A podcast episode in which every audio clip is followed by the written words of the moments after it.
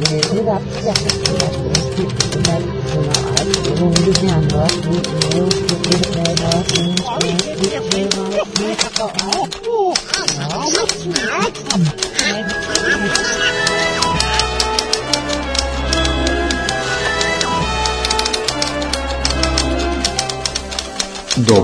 из Диснейленда. Тишина тому. Ничто меня не смешно. Ćao svima, slušate 12. redovnu epizodu podcasta Dopisi iz Disneylanda. Ako ste zaboravili ko smo, ja sam Miljan. Ja sam Nemanja. I, boga mi, dugo nas nešto nije bilo. Pa nije dugo, jednu smo samo napravili pauzu iz objektivnih okolnosti, ovaj, ali s obzirom da se poklopilo da je, onaj, odradili smo dva puna ciklusa pauza, tako da kažem, ovaj, kad smo prošli smo snimali sa Stašom, pa recimo da isto bio ponedjeljak prije 14 mhm. dana, onda do duše malo smo kasnili sa objavom, Recimo mhm. da ne, u, smo s njom utorak, a izašlo je recimo u četvrtak, tako da neka malo neka malo lufta. A negdje između je bio ovaj Gemotron, ovaj, tako ovaj je, posljednji. Tako jeste. Ovaj, tako da smo ovaj 12 je apostola. 12 je plemena Izraeljevi. 12 je pr prvi broj, ovaj, kako da kažem, kompleksan broj koji možda se dijeli sa 2 i sa 3 i sa 6. I, mislim, ono... ima znakova horoskopa? 12. 12. 12. 12 mjeseci u pa godini. Pa ne, 12 je vrlo, vrlo ovako, 12. ciklus, 12 je, zatvaramo jedan ciklus, eto kod nas se ispostavilo ovaj, da je tromjesečni E sad, šta je problem sa da na, našom današnjom 12. emisijom? To je što smo mi planirali sasvim druge događaje da obradimo, a onda su nas ispreticali kurentni, što bi rekli naši da. ovaj e, popularni novinari. vidiš kako je to, ono kao snimamo redovno i onda nemamo nekad baš nešto puno aktuelnih tema o kojima možemo da pričamo, izuze Vučića i njegovih ovih preskonferencija. I onda jednu nedelju ne snimiš odakle da počnem. Da, da, ali ajde recimo da se mi držimo neke hronologije, iako stvarno ovaj događaj koji su obilježili prethodnu sedmicu, znači ovu sedmicu koja se završila 10. jula, nisu, nemaju tu težinu kao ovi događaj koji su obilježili eh, sedmicu koja je iza nas, ali stićemo i do njih, nego da mi krenemo od prve stvari koja se desila nakon izlaska našeg prethodnog podcasta, a to je bio petak 8. jul kada je e, kralj odlučio da između njega i njegovih podanika više nema nikoga i čemu država, čemu vlada, čemu opštine, čemu ovo ono zakažeš audijenciju kod kralja i dođeš, ispričaš mu njegov problem, svoj problem. Da, svoj problem i, i ispričaš mu svoj problem i on ti ga riješi.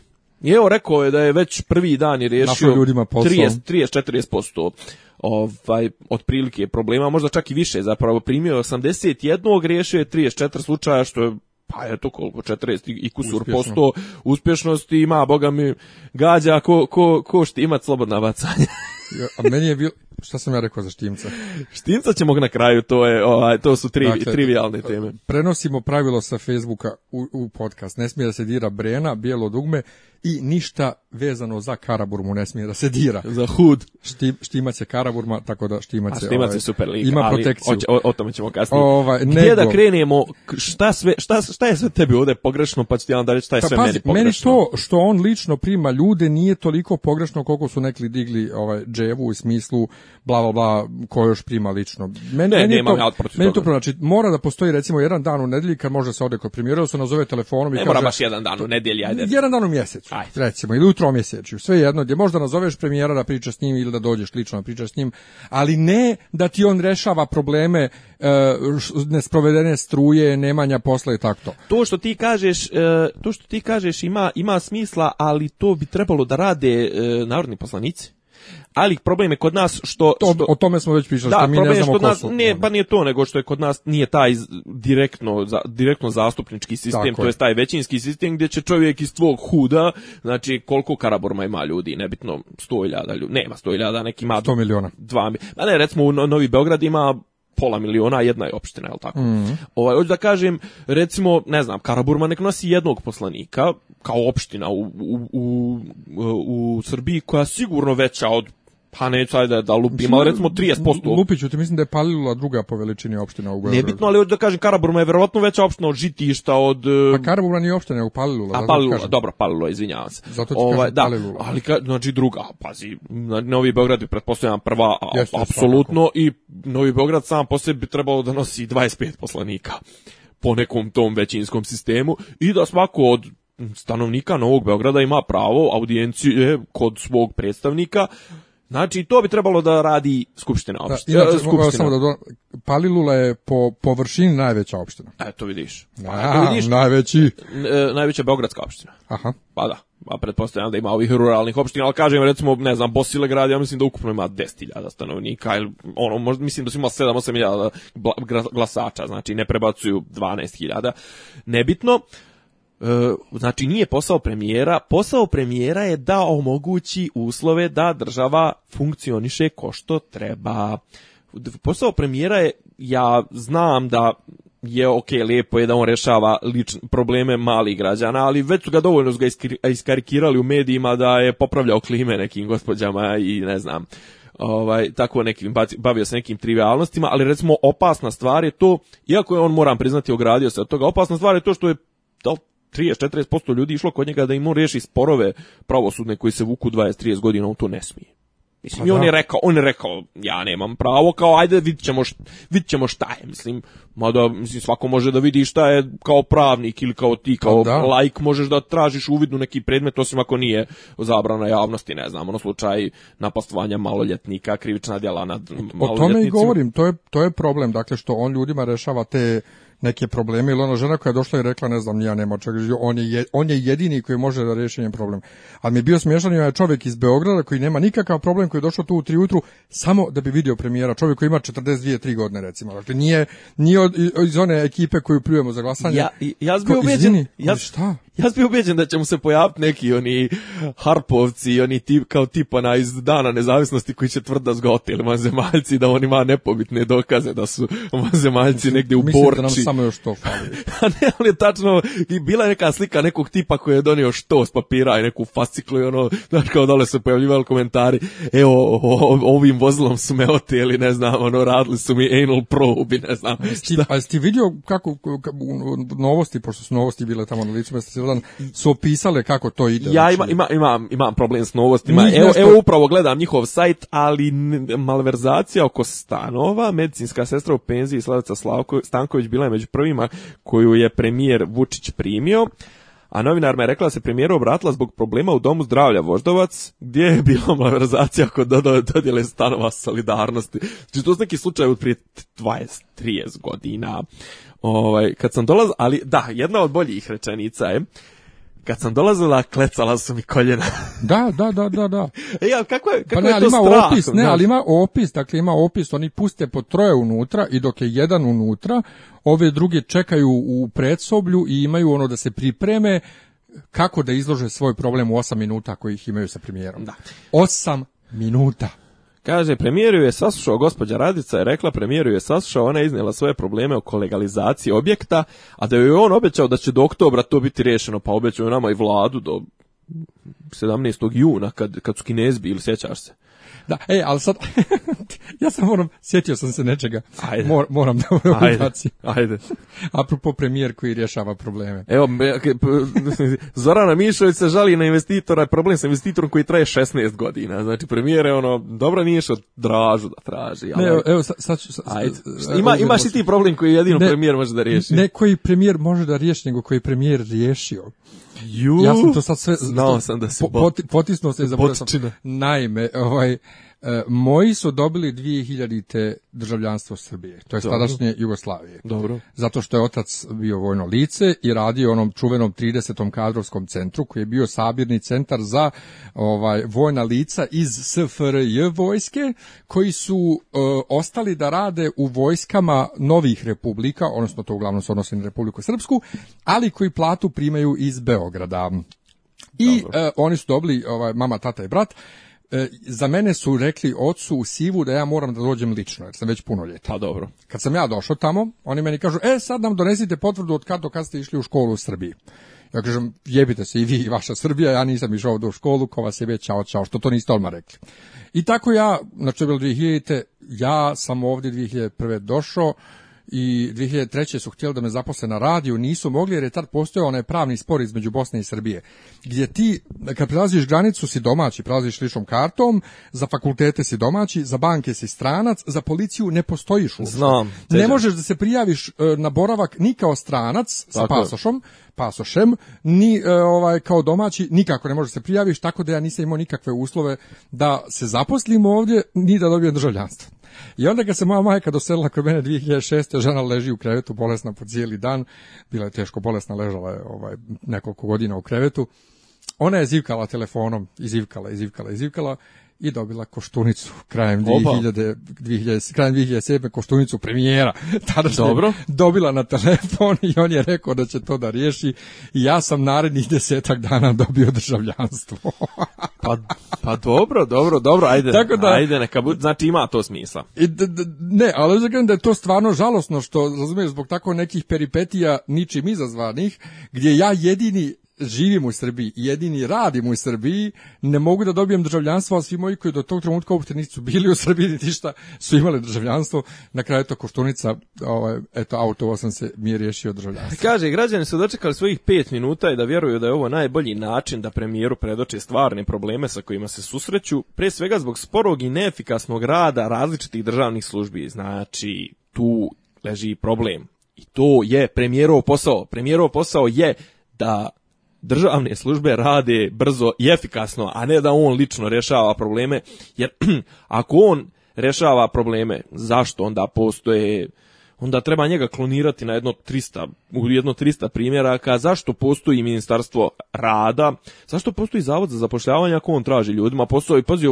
znači čekaj, ako su je tih, ne znam, 10, 20, koliko je ljudi dobilo taj dan posao zahvaljujući premijeru, a što, to, to znači da ovih ostalih 8 miliona i 990 hiljada, ne znam, 7 miliona 999 hiljada i 990 ljudi, ako u Srbiji ima 8 miliona, su diskriminisani zato što on taj dan nisu stigli do premijera, da dobiju posao. Mislim, kakva je to, kako može... Ko prvi djevojci njegova?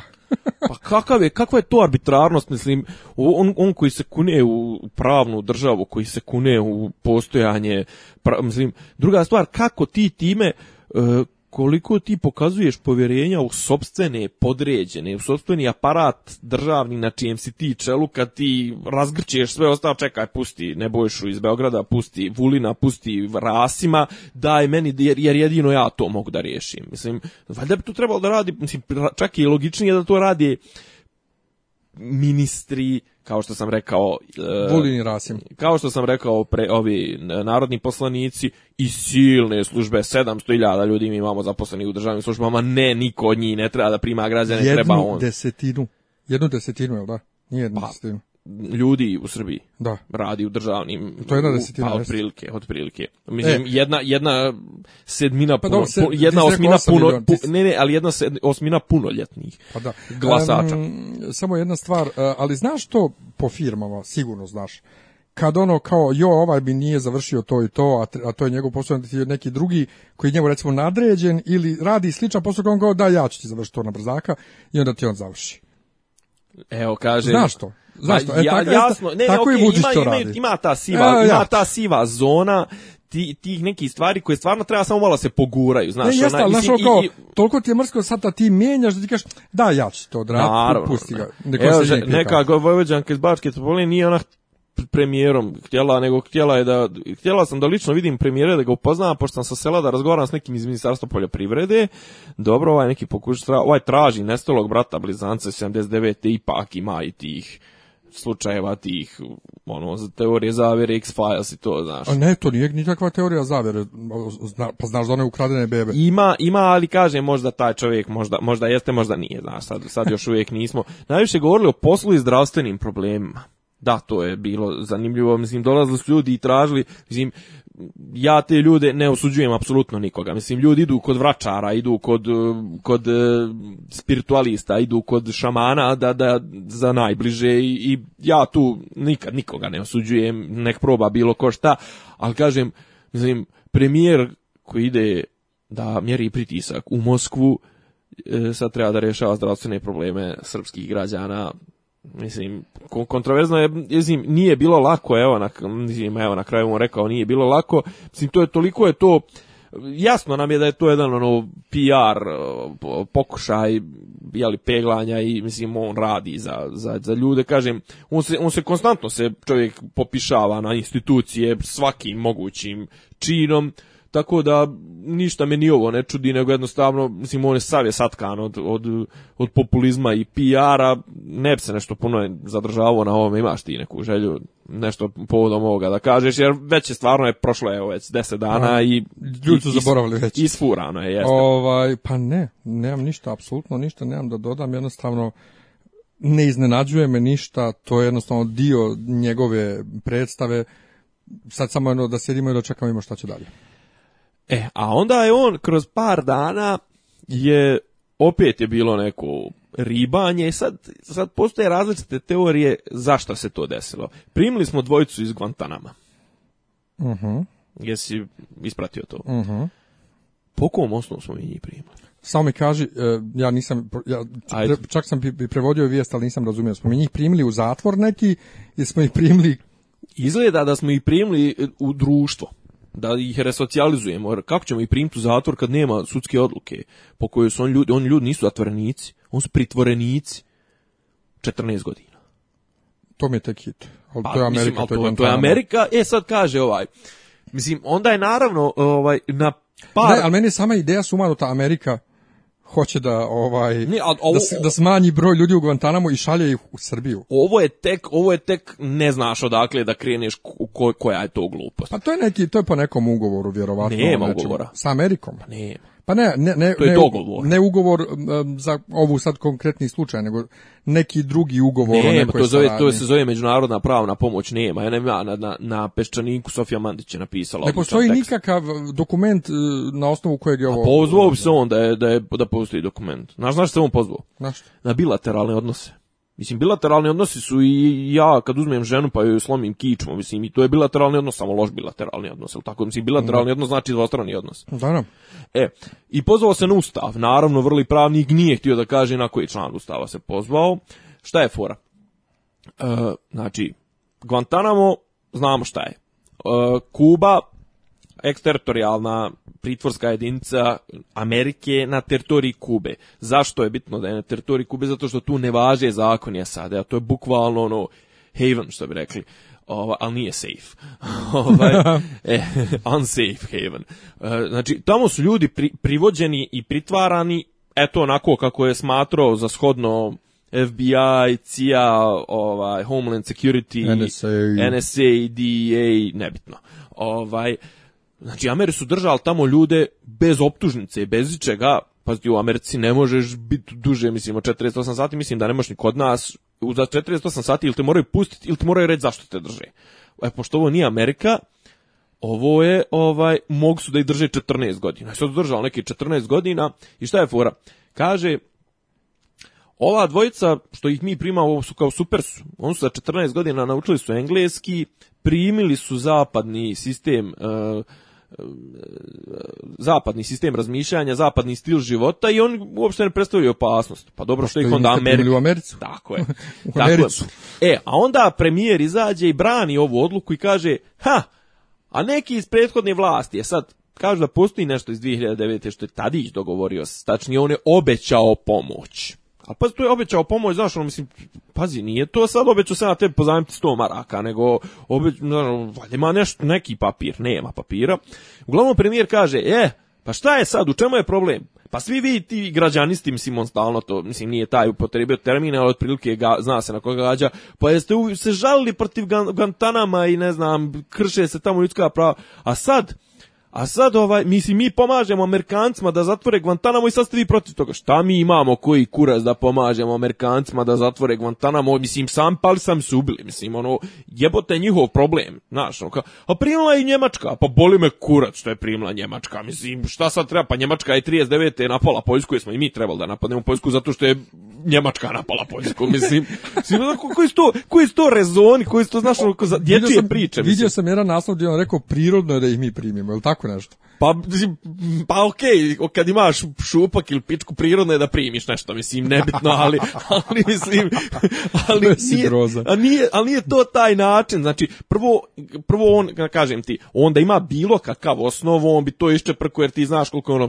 on detaljima, mislim, ono, klasični histrionik, ono, znaš, kad se zamisli, ono, pa gleda, imali smo, neki dan imao konferenciju za štampu, povodom Turske, nebitno nečega, i imali smo na posljednjem letu za New York smo imali 203, a u povratku smo imali 260. A znaš, on zna u, detalj. To znaš, a ne znaš ko je pravio sranja po Hercegovačkoj dva mjeseca, dva i po mjeseca već. to poznato iz crkve isto ima takvih koji sve znaju, a onda kad nešto kao pa nisam znao. E, a i, sad ne može da se sjeti po kom članu ustava smo mi primili tu dvojicu, znaš kao, primaš ih u društvo, kao i bit će on super, kao, kaže Amer, ali on nisu nikakav, znaš, kao on se primili na zapadni i način života, 14 godina ljudi prevaspitavan, kao nisu nikakva opasnost. Druga stvar, mi nismo zapad.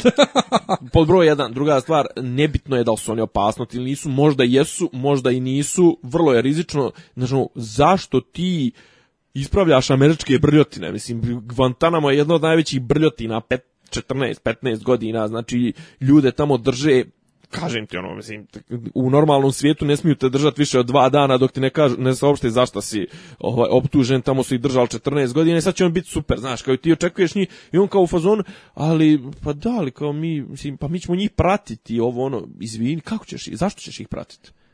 Jer ljudi nisu ni za što optuženi. Nemaš pravo da ih pratiš. Jesu su potencijalno sumnjivi. Ako su potencijalno sumnjiviš, ako ćeš ih pratiti, što ih primaš? Ako, i ako, ako su ispravni, ko što ti tvrdiš da su ispravni, onda nemaš potrebe da ih pratiš. Mislim, ovo je tolika jedna glupost i pravno i logički i svakako. I naravno da se on nakurči još što ga pitaju takve stvari i okrene, znaš, kao, a šta vi meni, što su neki radili ili ti, pa, vi ste tražili da se zatvori Guantanamo, evo mi pomažemo vam. Mislim, kao Nijemcu primili deset. A mi smo kao primili pet dva kao, znaš, kao, ako su on mogli da prime deset, pa znaš kolika je Njemačka, druga stvar, šta je BND, šta je, ne znam, ni znam, ono, ljudi koji mogu da prate, druga stvar, kak, jebe se meni kakvi su odnosi između Amerike i, i, i, i je, i Njemačke. Znači, ovde ja tvrdim da ili je neka, neki je interes familije Vučić, ono tipa, progledat će im kroz prste za nešto, neće i drkat ovo ono, apropo, sad evo recimo sad se Sad se pričat ćemo o Turskoj, vrlo je zanimljiva uloga Amerike u Turskoj. On tvrde da su ni Luk Jeli ni Luk Mirsali, ali recimo trenutno, upravo trenutno, Turci vrše pretres uh, baze, NATO baze u Turskoj, taj američke baze gdje su i nuklearne glave, tako da slijede nam vrlo zanimljiva vremena. Jesi li ti, šta, mislim, hoćemo kad, kad smo već kod Amerike, hoćemo da idemo na sljedeću temu. Može, znači ja nemam na, ovu temu Guantanamo ništa da kažem, ja sam toliko izbunjen. Ja, ja, sam, šokiran, ne, ja, sam šokiran da to ne se da se to toliko nije udaralo, to se udaralo u dva, tri medija, možda u vrh danas su malo nešto u peščaniku, tu znaš, ono, naš su prešli preko toga, ono tipa, pa Amer su rekli, pa jebemo mater, mislim, za manje su naši, e, počeli rat sa Austrugarskom, a bili smo veća bijeda nego, nego sad i manje se međunarodno pravo poštovalo. Mislim, šta hoće da ti vršaju ovi američki ne američki, austrugarski, ovaj, znaš da je trebalo da, da oni vrše istragu na teritoriju Srbije, Srbija rekla ne može. A od šalju, znači, svoje neke ono, pritvorenike koji ljudi, ono, znaš, ono, nema nikakve veze sa Srbijom, mislim, od, od svih zemalja Srbija. Uglavnom, eto, mi smo, toliko smo fini da ćemo pomoći Americi da zatvori Guantanamo, a, nis, a nismo nas pitali kad su otvarali. mislim, nismo učestvovali u otvaranju Guantanama, koliko se sjećam. Ja vrtim glavom i, razrogačeni hoću uopšte, uopšte ne kapiram samo što. E, dok je, znači, dok se to sranja dešavaju u Americi su rasne tenzije, jesi to pratio? Malo.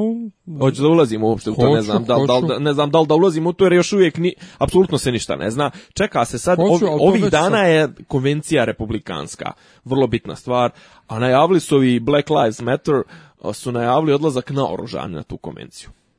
Ovaj, čisto kao zato što im se može, jer mogu da nose oružje. Znaš, mm, i, a usput, mislim, ponovo su neka ubistva bila, mislim, bio, bilo, prvo je onaj pobio one, one policajce, policajce u Dalasu, pa ne, je prije, toga...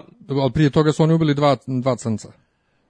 prvo su on to, pa ona je pobio one u Dalasu, da, onaj Filando. Ovaj, pa i, jutros, neđe, juče, kad je bilo u Luizijani su isto tri stradala policajca, a još tri su povrijeđena i to.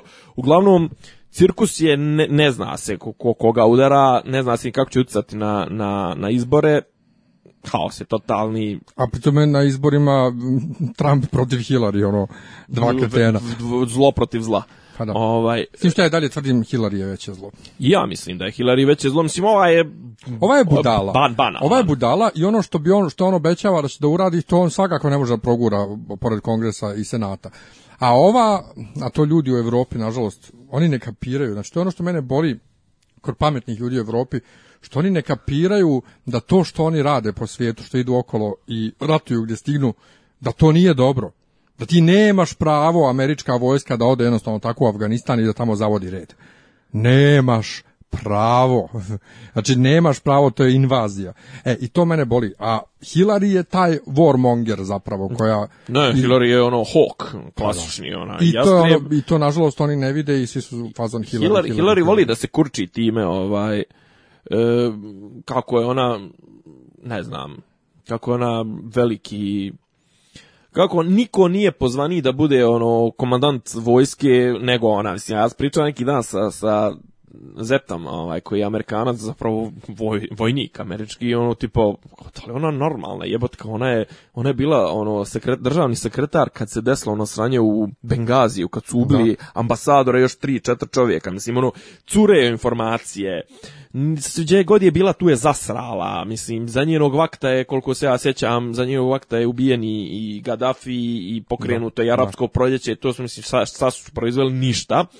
Ovaj, znači ono je katastrofno zim, ono, i onda kao proglasi je za najvećeg, ono, naj, naj, najpozvaniju ženu, maltene, najpozvaniju osobu ikada da bude predsjednik kao i commander in chief, pošto je ovaj, predsjednik po, ustavu predsjednik automatski i komadant vojske tačnije vrhovni komadant, ovaj, pored e, generala Georgea Washingtona, pored pričao sam to pro, pa pri, ali, pored, Eisenhowera. Stan kod nas je isto tako, predsjednik je vrhovni komandant. Pa jeste, jeste, ali nema tolike executive orders, što kažu, nema toliko. U vojsci? Pa nema, mislim, on mora da se konsultuje, ima vrhovni savjet odbrane. Da, a kod Amerikanaca kod, baš. Kod Amerikanaca, pa predsjednik kaže, Obama priti, Pritišće, on drži ključe. Ja. Ovaj. E, ali viš, e, to mi je strašno, ovaj, pričali smo to i sa Stašom, dakle, taj resor vojske, gdje ovaj znači imaš nju koja je žena predsjednika bivšeg. Da. I ok, ona je tu kofol neki političar, ovo ono, i bila je ok, bila je državni sekretar, sve to lijepo. Ali ženo, ko si ti bono da komanduješ vojskom? Pa ne, ali ja, koliko ja sam se sad Tako isto kod nas ti ministri, ministri odbrane, psiholog, političar, keramičar. Nekako strašno mi je to. Ovaj, e, još uvijek se ne zna ko će, ko će biti e, podpredsjednik e, na, na listi.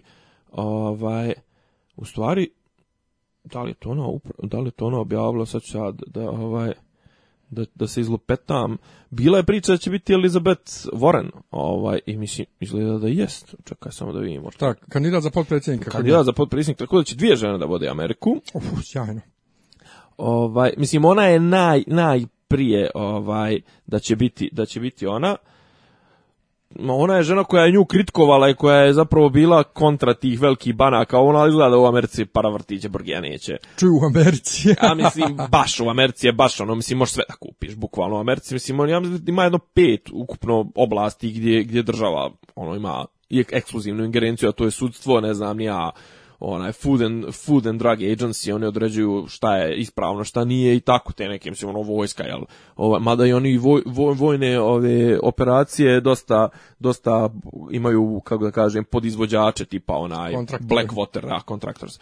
Ove, tako da, ajde, ajde da ne ulazimo u, u, u to, ovaj, za, mislim, Americi tek sranje je počelo i tek će vidjet na Dobro, će ali ono toliko tek sad počelo, ono i traje.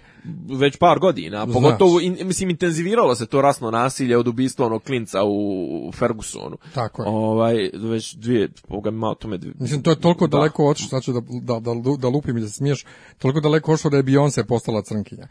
Znaš kad je napravila onaj da, ovaj, da, i, bijelci poludili šta je sad ovo.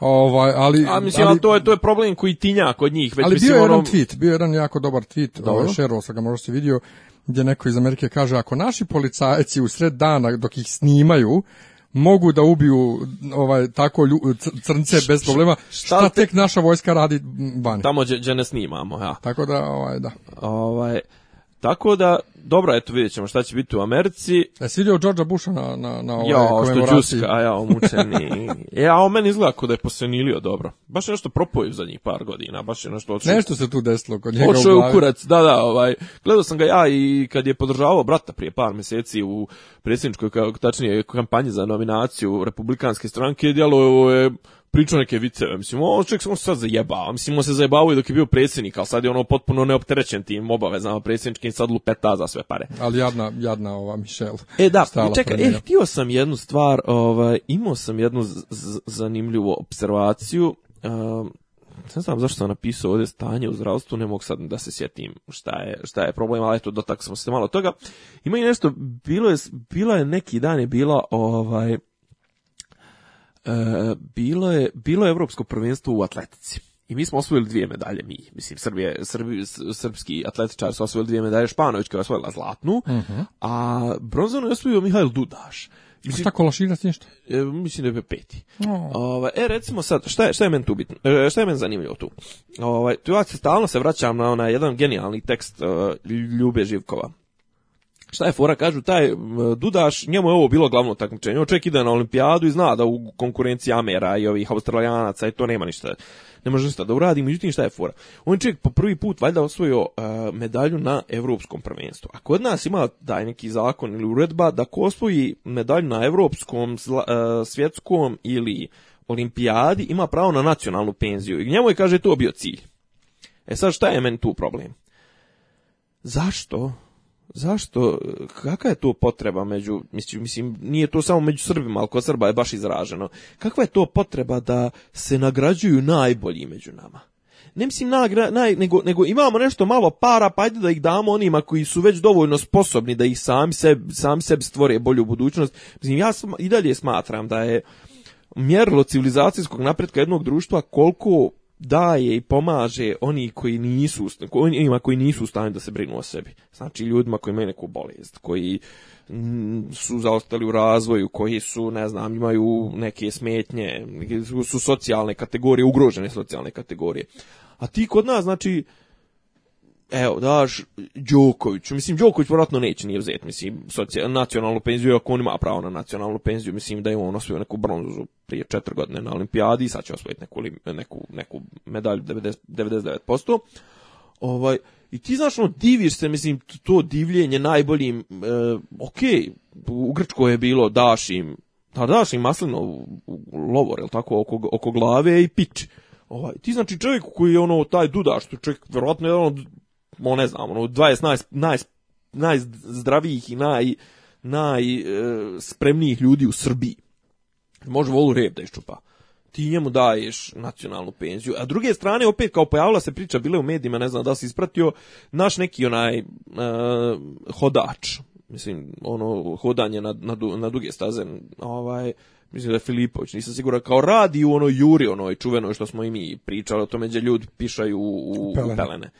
Ovaj, I kao, pa ne može kao ništa drugo da, onaj, mislim, što mu država nešto ne da. kad je bavljenje sportom postalo postalo pitanje, znaš, zašto država mora sponzoriše svakog jebenog sporta? Mislim, pita, pa bavljenje sportom i pod ti se bavi zbog sebe. Hoćeš da zdravo živiš, hoćeš da nebitno, mislim, to repre, meni kad, kad kažu najbolji reprezenti naše države, a, mislim, jel stvarno našu državu znaju svi po Đokoviću? Mhm. Svi. Mislim, ne znaju, uh mhm. -huh. ne znaju Srbiju ni po čem drugom se po Đokoviću. Pa po čemu da je znaju? Pa po tom što smo čuspali u ratovima, recimo, u, u sred Evrope 90-ih. Pa po tome nas po što smo bombardovani. to po tome mogu da nas znaju u Evropi. Znam, ali jel ti sad cijeniš više Srbiju zbog Đokovića? Ja ne cijenim Srbiju. Pa ne, o, o ne priča, Srbiju. Pa o tome priča. Mislim, državu. Roz, A čekaj, ti državu. Njemačku cijeni zbog manšafta? Ne.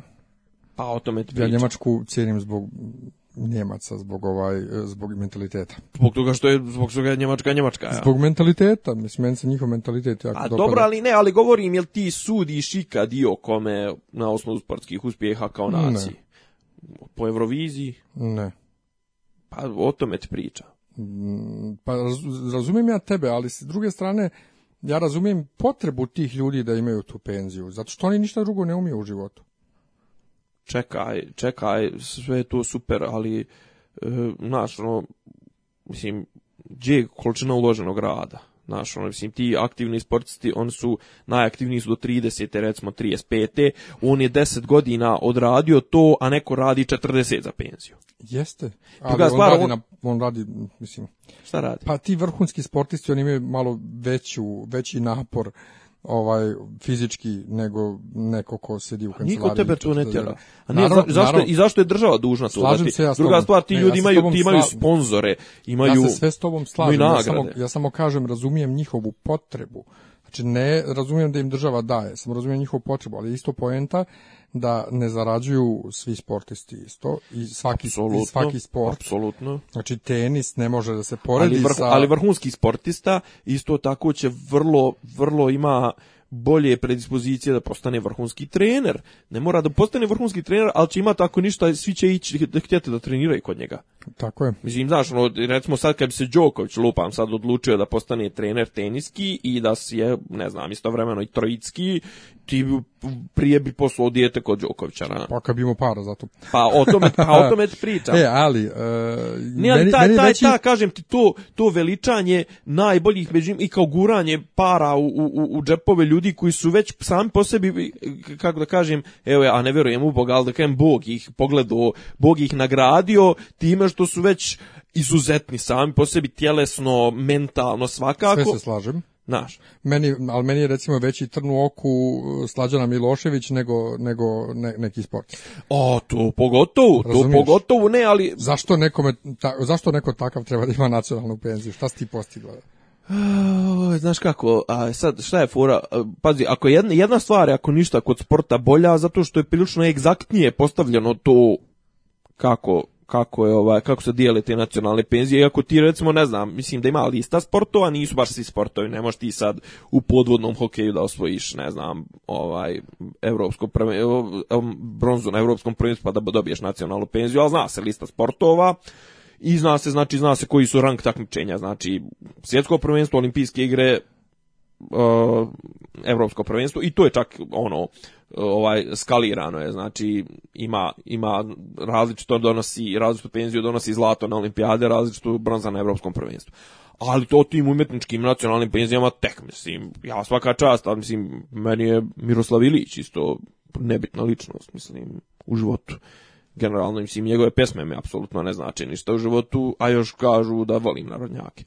Ovaj, znaš, mislim, Miroslav Ilić je baš ono, ono, primjer ovaj, koji bode oči zato što je koliko se sjećam dobio nacionalnu penziju za vrijeme ovaj, za vrijeme dok je njegov zet bio ministar odbrane čuveni Šule Šutanovac, pa je još tu i umješana i ta korupcija, tako da sve je tu prilično mučno, a možemo o tome ćemo posebno o tim. Ali kažem, vraćam se, znaš, ono, samo bitna stvar znači, imaš nekog koji je izuzetan, koji je radno sposoban, koji je svakakav. I evo još mu, znači, pazi, jel se, svijet zavr... jel se kraj svijeta, jel se život završava tim sportistima kad završe karijeru? Ne. Znači, čovjek koji je već toliko dobro utreniran, toliko zdrav, možda radi, mislim, i fizički šta hoće, mislim, onako se bavio fizički, nije, mislim, svaka čast svakome, ali sad nije neki intelektualni napor trčat na 400 metara.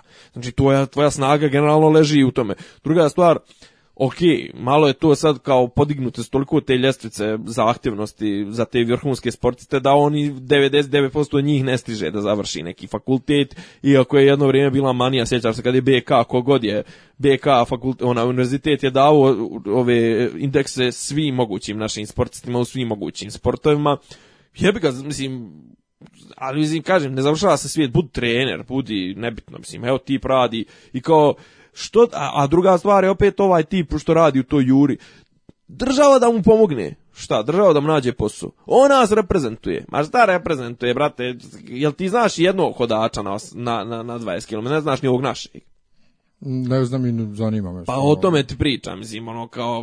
Mislim, mene, ja, ja, ali, pazi, nije to, nije to sad ni, ni sadašnja vlast, ni prošla vlast, to sve vlast se vodile slikaca. Ali to nije samo vlast, to je naš, naš narodni mentalitet. Ja nemam to, ja ne patim od toga Mene niko ne predstavlja, samo ja sebe predstavljam i tačka. Tako je. Pa ne, a generalno to je taj kolektivit, mislim, taj pa pitanje individualiteta protiv kolektiviteta.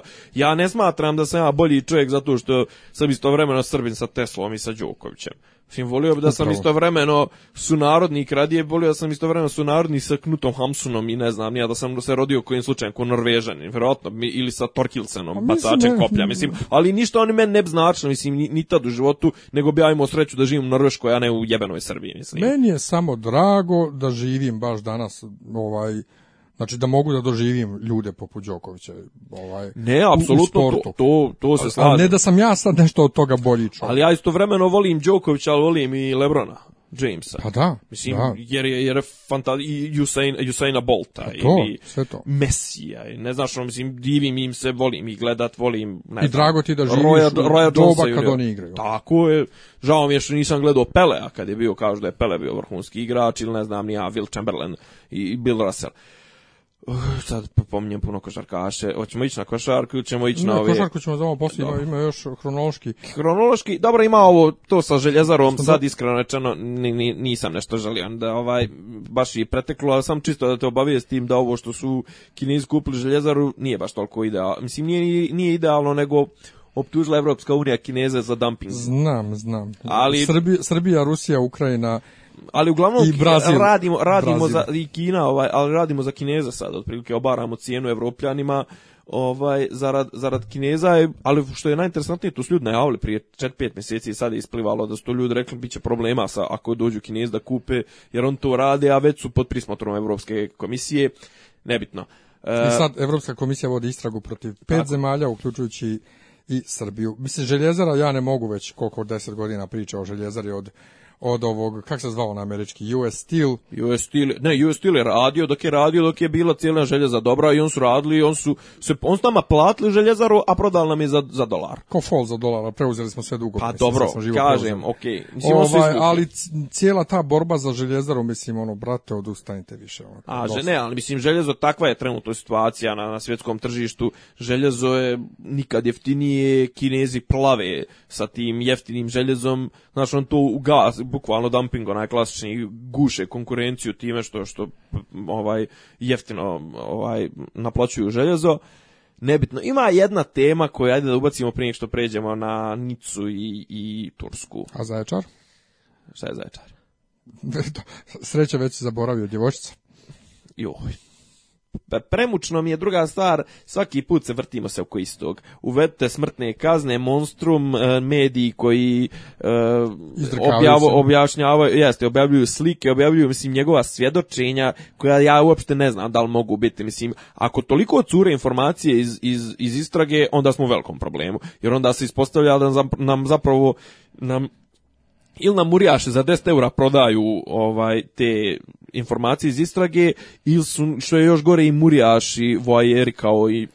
Ja mislim da je ovo drugo, da ne, ne uzimaju nikakve pare od novinara, nego on to tako što im je Pikanterija, ja. Pa lijepo im je da, da šeruju. Znaš, ovaj, mislim, Ja samo jednu stvar eh, reći, ovaj, jedno moje zapažanje, eh, vezano, ali, ali slučaj je vrlo... Vezano za smrtna kazna, smrtna kazna, dajte meni da ga raščerupam i tako to. Uh, Jeste, strašno je, naravno. Znači, ne umanjujem ničim to što se desi. Ali kad mene ovdje u Beogradu, koji nemam djecu, to toliko pogodi što je neko ubio djevojčicu u Zaječaru, koju ja niti znam, niti sam ikad čuo za nju, niti ću je se sjećati za tri mjeseca, toliko razbijesni da ja zahtjevam da meni daju čovjeka da ga raščerupam, ja mislim da ja imam neki psihički problem. A ne, baš ja mogu da razumijem ja mogu da to je klasičan onaj sindrom rulje. Ne, i rulje nego i jednostavno ja poviše da razumem, ja mogu da razumijem emocija. kojih emocija. Te emocije ne treba uopšte da postoje. Ja ne kažem sada da ne treba da osjećaš u, ništa. U, u, u ljudskom je, u ljudskoj je prirodi da, da traži retribuciju. Da, da traži a zašto ne traži retribuciju, ne znam, kad, kad, evo sad komšija tuče ženu, to nikom ništa. To, je pa onda njihova up, stvar. to je njihova stvar. Nije, nego je drugačije, jednostavno. Ovo ne, ne, ali kad se dešava pred tvojim nosom, to onda ništa. Kad se desi tamo negdje daleko, nekome koga nikad nisi, nekome ne znaš, ne. tražiš, ne, pusti me da završim. Ovaj, ja mogu da razumijem majka njena da kaže dajte da ga ja ubijem, dajte sportu kaznu, dajte već Ali tolika jedna masa koja svaki put se pojavi na internetu prije svega, ogromna masa bijesnih ljudi koji hoće nekog da muče to samo pokazuje da ti ljudi zapravo imaju potrebu da ne, da se iživljavaju. No, sadisti, da. I to mi je strašno. Ne, ali druga stvar, to kažeš ispred tvog nosa nije tako. Pazi, sad da postoji scena da ti ja i ti idemo ulicom i vidimo da neko napastuje devojčicu, ali ovako kako ti mediji prezentuju ovako ono gruesome, ono voliko, sa voliko bizarnih i odvratnih detalja.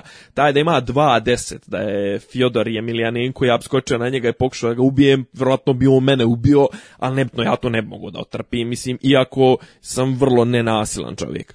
Ovaj, ali E, hoću da kažem, mislim, uvijek raja najviše odraguje na te slučajeve s djecom.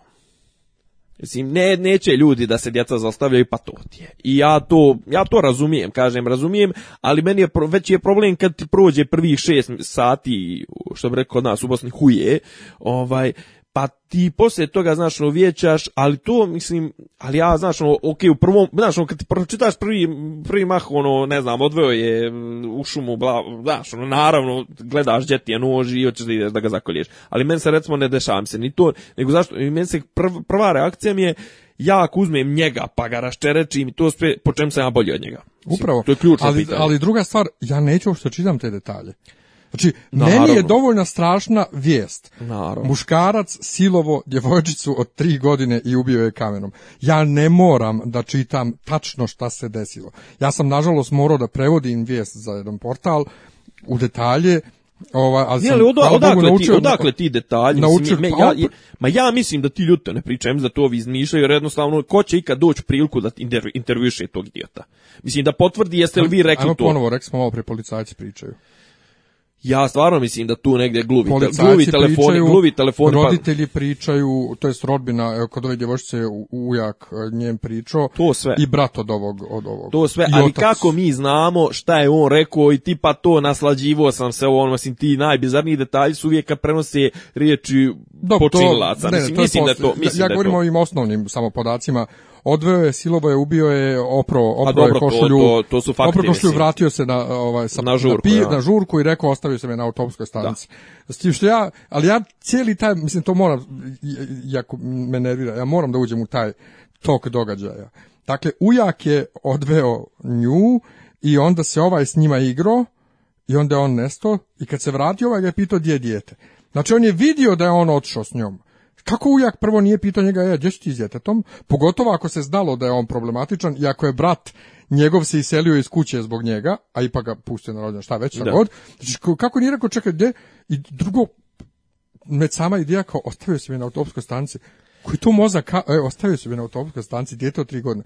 Ja ne, ne, ne, ne kapiram ja to ništa. Dobro, pa, pazi, moraš prvo uzeti u obzir da je, govorimo o nekoj, o vrlo maloj sredini, vrlo kako da kažem, patriarhalnoj, konzervativnoj, ovo ono, tu se ne postavljaju ta pitanja. Mislim, nije ne postavljaju se, nego pretpostavljam da nije bilo toliko čudno da kao svi vjeruju, ne znam, drugim, drugima, to nije velegrad, ono, tipa odveo si je, pa ne znam. Sad, ovaj, znaš, pretpostavljam da postoji neki nivo, e, povišeni nivo, ovaj, vjerovanja među stanovnicima tog sela jednim među drugim, znaš, ono, pa kao ajde nije bilo čudno što je odveo, mislim, iako realno šta ima on nju da vodi od tri godine, to u Beogradu bi vjerojatno odmah izazvalo reakciju policije, nebitno, mislim, ljudi okolo, to, kažem, ne mogu sad više da se stavim u taj mindset sela od hiljadu stanovnika, 800 pa, pa ne, stanovnika. Mogu samo iz aspekta činjenice izrečene od strane tih svedoka, znači Ujaka i brata njegovog da je on mhm. problematičan.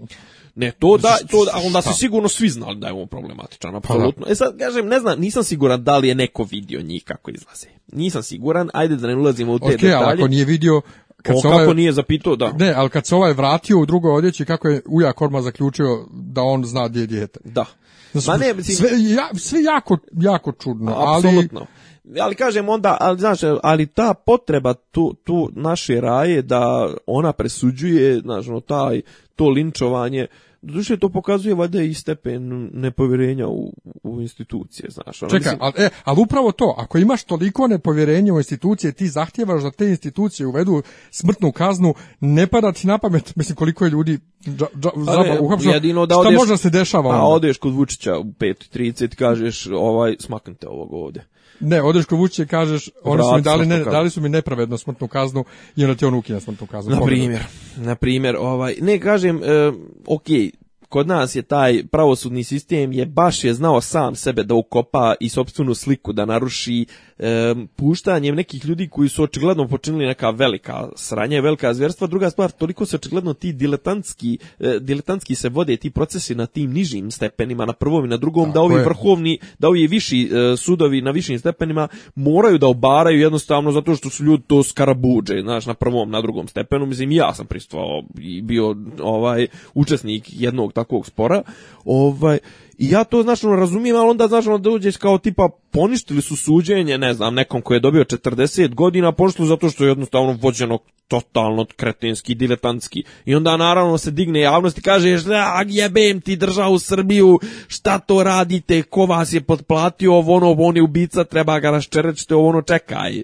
Mi se onda ne, ne izdvajamo se od te gomile mase linča, znaš, ono, vraćamo, vraćamo se u anarhiju i u, u, srednji vijek gdje je bilo pravilo jačeg, znaš, onda država ni ne treba da postoji, iako ćemo Znaš, no, kogod, koga god rulja proglasi za krivog, krivog uzmemo pa ga kamenujemo. To je šerijat, bih ga. Pa ne, to je totalno ono, sa Isusom rastni Šeri, Šerijat. Sa Isusom pa, pa, pa, to, to. je to. Tako da ovaj sve je to mučno, znaš, a sad opet ima ta patologija koja se pojavljuje tog tog tih seksualnih zločina koji se vrlo, vrlo, mislim, pogotovo prema djeci, prema nemoćnima, znaš, izbija frustracija s tim. Ja sad mogu da iznosim na neka opšta mjesta, znaš, ono, mu, mu, muka mi od samog sebe kad sad pripomisli zašto se to dešava i da ja to pokušavam da objasnim sve većom dostupnošću pornografije, realitija, ovog onog. Ne kažem, ne, to ja mogu zamisliti. Ja, ja, sam baš pri, pričao sam sa, sa,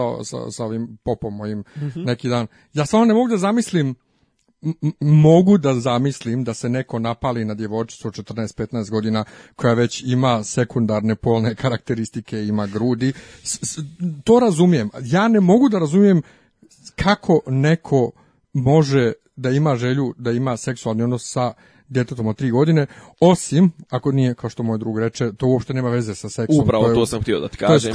To je, frustracija, to je čista frustracija. I to je zapravo, tvoja želja da, da, ti vidiš u sebi nešto pokvareno, a vidiš to nešto čisto i hoćeš to čisto da uništiš. Ili jednostavno to ti je najlakši način da izdominiraš nad nekim, e, e, da, da jednostavno nekoga isponižavaš, ono maksimalno, mislim, znaš, ono, mene ne možeš poniziti, jebi ga, jer ću ti, kao ako ništa kao u seriji Oz, jebi ga ću ti otkrizan kurac ako kreneš da da, mi ga staviš neđe. Ovaj, ali kažem, ovaj, jednostavno, znaš, ono, tolika potre... E, e, kažem, frustracije se liječe kroz dominaciju gdje je seks potpuno sekundaran, znaš, onaj, mislim, nego kako drugačije što ti kažeš nekoga obeščastiti i e, isprljati ga nego kroz, kroz seksualni čin, nazovimo seksualni čin. E. Kakav je seksualni čin uopšte? kako može biti seksualni čin između odraslog čovjeka i, i, i, i, i djeteta od tri godine? Čim samo dolazimo do još stvari u, u mentalitetu to ljudi ovaj podsvijesti da je seks nešto prljavo to što je to pogotovo ali kažem vraćam se na ovo mislim bilo je tih manijaka i prije ti je čuo za metoda Trobeca mm, ne Metod Trobec ima bend se zvao po, po njemu Trobecove krušne peći to je bio neki slovenac koji je dal žene ih otimo, pa ih kasnije palio u krušnim pećima negdje u Sloveniji. Ovaj, to je kraj 70. i početak 80. slagaću te. Metod Trobec je jedan od prvih serijskih ubica i znači slučaj koji je bio medijski propraćen kroz uh, u bivšoj Jugoslaviji. Ono, vraćamo se na ono da li je bilo ovolikog stepena devijacija prije ili jednostavno bilo ih je, ali nisu bili toliko medijski propraćeni ili jednostavno sad nešto odšlo odšlo u kurac. Ja mislim da je bilo. Pa, ali ja mislim da je jedno i drugo. Ja mislim da je jedno i drugo. Šta je fora? Što je sad društvena nejednakost između ostalog dovodi do pojave ogromne pojave frustracije gdje ti vidiš znaš ono stalno vidiš da, da ispred tebe ljudi uzimaju i grabe nezasluženo, znaš, ono, ti nemaš pravo, mislim, ti sjediš kući, gledaš macu, diskreciju, ne znam, realitije i ti znaš da ti to nikad neš jebat u životu, zašto? Zato što to jebu kriminalci koji, ne znam, ono, dileri gudrovine i to, znači, sve je sve toliko sjebano je da ti sad, ono, sjediš i kući, ako si imalo nesiguran u sebe, ti ono postaješ ekstremno ekstremno ne Mislim, žene se žale kako ih muškarci ne startuju, muškarci se žale kako ne jebu ništa. Mislim, to znači, ako se jebu, to se jebu neki klinc tamo, nemam pojma, a onda kasnije dođe do tog nekog, do tog nekog društvenog razilaženja, no, a ozbiljno ti pričam. Mislim, je gledao, je gledao film klip? Ne, ne, je gledao film klip? Jesam, pa njega sam gledao za onaj kviz e, kod Sofije. Aha. Ovaj, nego smijem se što ti kaš klinci jebu, Ovaj Pa nije jedini ne, ne, koji trenutno imaju nešto, trenutno ne, ne, imaju neki zdrav skroz sa teme, ovaj a možda možda ćemo se dotaći toga uh, neki tweet je bio dok mi ganjamo, kaže, evo jedna strašna misao, dok mi ganjamo Pokemone 2000 to godište se jebe. pa, upravo. Pa, mislim, godište kad su izmišljeni Pokemon. Ovaj, ne, ali hoću da kažem, hoću da kažem, znaš, ovaj, ogroman je stepen, ogroman stepen frustracija izazvan nemaštinom, e, društvenim raslojavanjem, e, nepravdom. Nemanjem seksa što rezultuje nemanjem seksa što dodatno a ono multiplikuje te frustracije. Mislim, kako će imati seks, jebeni seks, kad da, za izlazak u grad ti treba ti 500 dinara, ako ćeš ribu da počastiš, treba ti 1000 i po. Čeka, ko, ti, ko kaže da moraš da, da izlaziš u grad da bi imao seks i da častiš ribu zbog pa toga? A ćeš poznat ribu? Pa valjda imaš neku koju već znaš. Čekaj bre, stani, stani, ja i ti govori, sad govorimo iz vizure neko ko ima 35 godina, ali govorim ja. iz vizure, ja stavi u, u, u, u moment kad si imao 15 godina. Pazi, da bi izašao... Pa, a? U školi. Pa u školi, okej, ali moraš, mislim, pazi, u školi moraš je odvesti na sladoled, jebe. Pa eto, u klipu ona ne mora ništa da uradi jebe kolud. E, pa znam, kažem, to o tome ti pričam, on jebe, ali ne jebu oni ostali. Pa što bi, brate, kad su Gabori. pa je izgledao rane, jebi ga. Jesam. Pa eto. Pa ne, ali kažem ti, znaš, ono, mislim, step, pazi, nažalost. Dakle, nažalost su ovi ružni zato što ne mogu da jebu. Nije tako. To se ja uvijek zezam, ali ovaj uopšte nije ružan pritom, ja ne znam šta... Ne znam, ne znam, možete ne, nisam ulazio u to, nisam, nisam, nisam, nisam. Mislim, možda sam i vidio, ali, ali, mislim, 27 godina, jebote. 27 88. 27 godina kakva je to devijacija? Tokom 88. su se meni roditelji prvi put razvodili. On je tad rođen. I, i on sad ide i u, u sidu. A pri tome, što je najbolje, e, kad je, kad je ubio malu, njegov otac je rekao da je Orma pomislio da je on i neku svoju drugaricu koja je nestala prije mjesec dana isto vjerovatno ubio. Žena koja ima 47 da, godina. Ispostavi se da jeste, i, a s njom je bio u vezi. Ka pa nema kakvih... To je neko s kim je bio u vezi. To je patologija koja ima sigurno i, i, i nevezano za 2016. Znači, to je vjerojatno bi ovaj slučaj bi bio, vjerojatno desio bi se 88. Kad se on rodio, da je on tad imao 27 godina, da je 61. godište. Ovaj, ali kažem, znaš, onaj, vraćam se na ovo, znaš, ono, nemaština, mislim, kak, na šta se svela sad zabava, mislim, raje, ono, svela se na to, upali internet, upali Pornhub, upali ovo, ono, mislim, ja nemam ništa protiv, pornografije, ovaj, upali Pornhub, a ako izađeš u grad i skupiš 200 dinara ili 500 dinara za pivo, onda ćeš gledati neki tamo koji piju, ne znam, nija, ono, vozaju bijesna kola, kažem, ogromna je frustracija, izazvana, mislim ovo je sad jedna tema o kojoj mogu sociolozi napisati 5000 knjiga, ja ti je sigurno nećemo izbistrati za 50 15 minuta. Ovaj, ali kažem, znaš, ali če, mislim odakle toliki nivo tih seksualnih zločina? Prema, prema, prema ovim kao zove, kategorijama ljudi koji su koji su ovaj nesposobni da se brane. Mislim, kad čitaš kao ono, ono na po starcu od 80 godina silovo je, mislim, ili, ili tako nešto, znaš, ono, znaš, tu, kažem, tu vjerojatno ni tu, ni tu seks nije primarna činjenica, nego jednostavno činjenica da ti želiš da nekoga da dominiraš nad nekim, da ga poniziš, da ga nebitno, znaš, ono, raščerečiš, da, da, da, da, da ga zlostavljaš, a naravno biraš nekog ko ne može da se brani.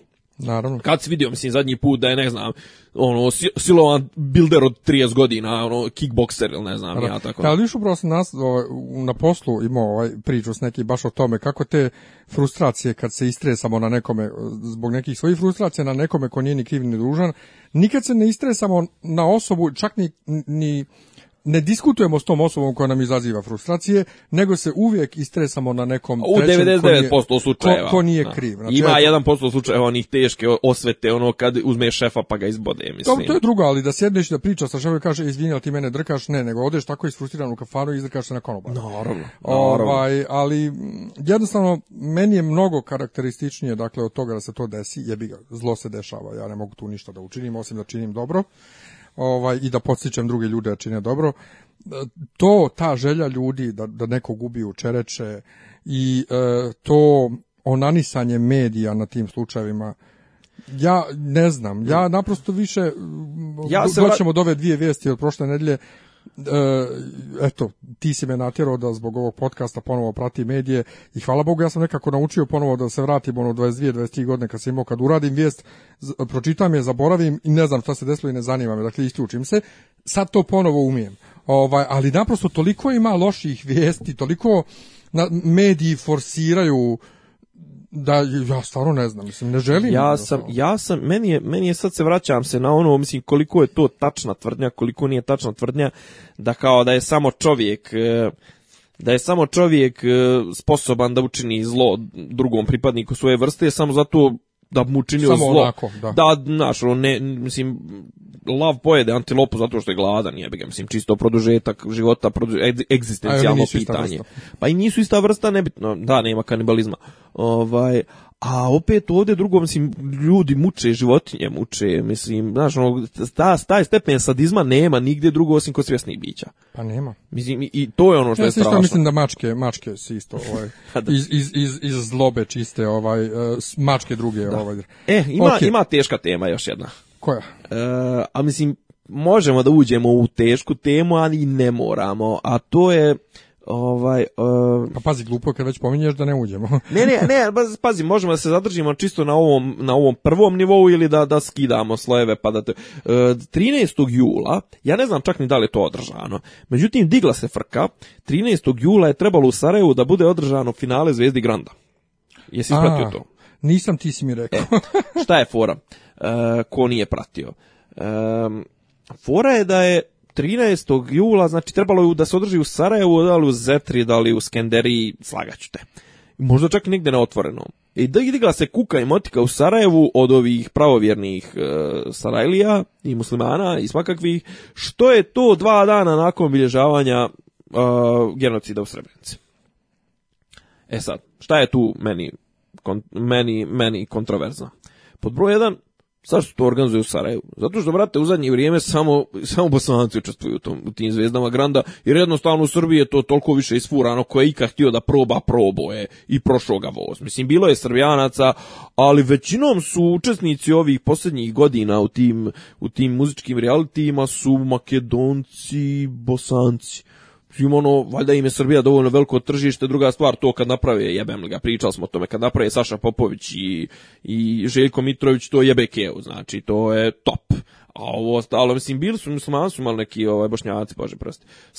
u Sarajevu su pa, imali ono zvijezda, zvijezda možeš biti ti tako neke gluposti, da, ali to je toliko nizak nivo u poređenju sa zvezdama Granda, da je to, da je to krš. E, a druga stvar je, ok, dokle ako je build up do Srebrenice mjesec dana, nebitno, krene se 11. juna da se priča o tome, mislim 11. jula, ili tipa zašto je šta smeta što je dva dana nakon to mislim život ide jebem ga mislim ako ćemo već suživot tako već ako su već mislim onda ako već toliko neoprostivo je to sve zašto bosanski ljudi ljudi iz Bosne učestvuju u tim zvezdama Granda ma ne samo to nego mislim sedite vi i gledate reality je isto e, tog dana dva dana poslije i bilo šta radite mislim mislim da druga stvar, ta, auto auto viktimizacija mislim mislim da je em što je licemjerna mislim da mislim da je kontraprodukt destruktivna za, za, za, za Bošnjake, jednostavno suviše ih ukopava u, u, jedan, u jedan šanac, jedan način razmišljanja da jednostavno, ok, to treba bilježiti svakako,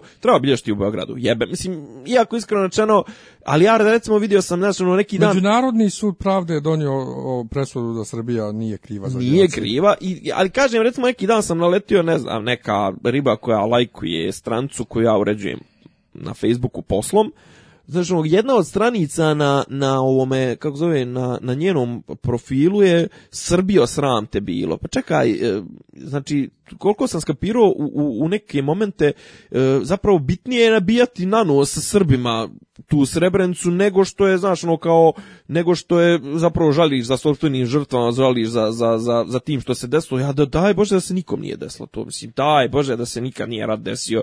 Ja najsretniji bi bio mislim ono da znam da, se moglo desiti pa da se nisam. Pa najbolji pokazatelj toga je što je odbor za malo za proslavu za obilježavanje komemoracije rekao da državni vrh Srbije nije dobro došao. To je najbolji pokazatelj. Mislim, zašto? to je taj isti čovjek koji je bio prošle godine, šta se umeđu međuvremenu, šta se za ovih godina dana desilo? Ti zahtjevi da se, Nije da, da, da, se da izvinjenje, ovo ono, Srbija ima rezoluciju o Srebrenici, ovaj, e, Boris Tadić je valjda izvinio, beš, jel da? Jeste? Jeste. Tako da, ne, ne razumijem ja. Ali za Zvijezda Granda, mislim, to je foliranje i proseravanje, održano je 15. Mm -hmm. jula, znači pomjera su i održano je u Zetri, tako da... Ono... Jel bilo raje? Pa ne znam, nisam koliko je bilo ljudi, ali sigurno je bilo puno. Sigurno je bilo puno. Pobjedio neki Ibro. I ono, da ne pričam to što je sad u Srebrenici, ono, ja znaš, vidio, ono, prodaje se janjetna, prodaju se ćevape, prodaje se, znaš, ono, baš su... A opet, to je bosanski mentalitet. Mislim, mi se gozbimo na groblju u Bosni, Vašar, na, u pa manastiru pa dobro, Ozren, ovdje, koliko u manastiru Ozen, pa dobro, ovdje po ovim selima, ovaj, u manastiru Ozren gore vašar za, za, za veliku gospojinu, znači ono kao slava velika, a ono ljudi igraju kolo u manastirskoj porti i šatri, ne znam ja. Nemoj, mi, nemoj mi dirat, gospojina je, je na Ozren se dolazilo prije rata iz Makedonije, i Slovenije su ljudi dolazili, to je bio skup 50.000 ljudi se skupi i Mara iz, i Lole ispod šatora, Paradajz pivo i, jo, i to. Jo, kako bi ja to rastjerivo iz manastira? Ne, a pazi, imaš, ti čekaj, stani, ti imaš one seoske slave seoske zborove. Uvijek je o nekom prazniku jer se taj dan ne radi. Znaš, ono, mislim, to su kupljanja, to su, to su narodni događaj. Znam, ali ne može u Porti Manastir. A u Porti, može... dobro, okej, okay, to o tome se može. Ne može Manastir da učestvuje u tome, ne, ne, ne, ne. Ali, A, Manastir ovaj, uzma pinku od toga. Pa jes, pa onda vladika odnese sve kući. ovaj, ali dobro, čavenda više nije vladika. da. Ovaj, ovo sve super interne teme. E, gdje smo stali? Znači, Srebrenicu smo završili, ovaj, e, smo došli do Nice. Pa jesmo. Nica. Jesmo. Ja, šta je to bilo? To je bio četvrtak, je tako? Da, bas, dan Bastilje. Dan Bastilje 14. Ovaj, proslava pada Bastilje i, naravno, Mislim, ja sam vidio da je bio neki celebrity. Ja. Mislim, mene recimo izvukom je život neki dan, izvukla je život informacija kako su Bona Voxa spašavala antiteroristička jedinica. Što je njega spašavalo, što nije druge ljude spašavalo? Pa on, on se bori za djecu u Africi. on je jedan govnar, jedan neopjevani. Mislim, ja, pa njega ne mogu da smislim. Ovaj, on, on je ono najveće govno što, što kažu u South Parku, ima epizoda posvećena njemu. Ono, kao kad traže najveće govno u svijetu i onda nađu da je on najveće govno. Ovaj, a ovo kao pokušavaju prije toga ljudi jedu, a ne kenjaju po mjesec dana da bi skenjali najveće govno onda skapiraju da je on. Njega je iskenjao neki tamo šampion. E, Bastilja, taj Nica, puno kontroverznih informacija u vezi toga. Da li taj čovjek musliman? Da li, da li je pravi musliman? Pri, bila je priča kao je, jeo, kasnije se je poslao jeo svinjetinu. Mislim, prvo generalno, ja sam, ja sam gledao taj snimak, to, to ono veče je bilo i naravno, mislim, prebacio sam na ja ta sranja pratim na, na CNN-u i na ovom Russia Today pošto imaju dobra ona, dobre, mislim oni uključuju, puštaju ove najzanimljivije stvari, zapravo ne, lažem. Znaš gdje sam počeo da pratim na Redditu, ja Reddit inače možda sam tri puta u životu upalio. Ja ga i dalje ne kapiram, eno i dalje mi je otvoren za, za, za Istanbul live Reddit. Eto, a, ja, sam ga pratio, ja sam ovu Nicu sam pratio na Redditu i dobro, ajde, bilo je dobrih informacija i nije loše ovo što je sortirano, iskreno nisam znao onaj, da, da se to zna na Redditu toliko dobro pratiti. Svi kažu, dakle, bilo koje to aktualno dešavanje mm najbolje se prati na Redditu. E. O, uglavnom, ima taj strahovic, snimak kad ono, kreće taj kamion i sasvim normalno ide, ono, nešto sporo ide. I ono tip, tip daje gas, kreće da, da lomi, da drobi, i onda sad, mislim, dva kilometra vozi. I sad, naravno, tu je neko rekao, ja, zašto ga nije zaustavili? Mislim, kako zaustaviti kamion koji ide kroz pješačku zonu, mislim, ide 50 na sat. Znaš, kao, ukrenuli smo, on su njega, neko je pokušao da ga upuca neko upucanje na kraju. Ne, ne, ali u startu kad kad su tek provalili da će da će to da se desi murijaš neki pokušao, pokušao neko bacio se neko telom da da proba da zaštiti. Uglavnom, mislim čin kao čin je dozla boga besmislen i to mislim šta, šta, šta ga razdvaja od onog što se desilo u Bataklanu u Francuskoj u Parizu u novembru izdvaja ga to što je drugo, drugo nema oružja. Mislim, on je kao nešto je pripucavao, zapravo on je čovjek pokosio se, koliko je mrtvih, 84 i još uh mhm. -huh. stotinu ranjenih, je pokosio, mislim, oružjem, oružjem oruđem koje i ti ja svako može da nabavi, znači ono kamion jebi ga, iskoristio je priliku da je 100.000 ljudi bilo na, na promenadi, ovaj, I kažem sad onda se, e meni, šta je meni tu najzanimljivije? Najzanimljivija je ta činjenica da zapravo odmah su njegovu, za njegovo sranje su, onaj, ISIS je preuzeo odgovornost, islamska država. Međutim, na kraju se, mislim, na kraju, ne zna se još uvijek da li čovjek uopšte bio ISIS. Da li on bio lone wolf, da li je bio lone ranger, da li je bio uopšte musliman, neki kažu da se drogirao, da je ganjao kurve, jeo Ma to je onda ovi samo preuzeli odgovornost. E, a šta je fora što ovi sad preuzmaju odgovornosti ko napravi sranje, ko je zaista njihov član, ko nije, znaš, ono, on pa se kite se tuđim perijem. ovaj, i sad kažem, to mi je zanimljivo, sad kažu kao on je radikalizovan u zadnjih mjesec dana, on, prvo on čovjek nije francuski državljanin, on je tamo bio na nekoj baravišnoj dozvoli. Druga stvar, kažu, malo, počeo posjećivati džamije mjesec dana prije toga. Znaš, mislim, toliko je kontroverznih informacija, ti možda se više pratio, ne znam, jel Lambras nešto komentar nije, nemam pojma, jel uopšte o tome pričao? Mm, I, pa on, on živi u Nici, ja mislim baš. Eto vidiš. Sam mm, ja sam za Nicu zapravo saznao tako što mi je Fes javio da je Lambros označen kao safe. Aha. Ovaj, i ko, šta bre, ja znam da je on u Francusku, jel? Šta Nica, onda pogledamo. ali nisam ništa osim da je vjerovatno, kao većina mojih engleskih ovaj poznanika sa Eurovizije na ovoj kak zove i njemačkih doduše svi sa Eurovizije na fejsu komentarišu i sad će opet evropski zvaničnici da nas ubeđuju da ovo nema veze sa islamom to da je islam koja je izgubila smisao potpuno da je islam religija mira i tako e, ali nažalost ta Nica je potonula sutradan odmah da, Nica je Čiz, znači, zaboravljena. desilo se i sutradan uveče samo trebalo Je, trebalo, je da, trebalo je taj dan je trebalo da bude ukinuto vanredno stanje u Francuskoj. Baš taj dan. Sutradan. Mm, da, sutradan, kao da i zbog Bastilje i zbog toga, eto koliko je prošlo 15. novembar, a sad je 15. jul, koliko je to prošlo? A misliš, 80, u odnos od onog prošlo. Vanredno stanje je trebalo došlo od Pariza. Pa da, da, da. A, I onda su ga oni produžili, čim se ovo desilo, trebalo je da, znači 15 i 15. Toko da je namjerno tempirano. Pa, otprilike.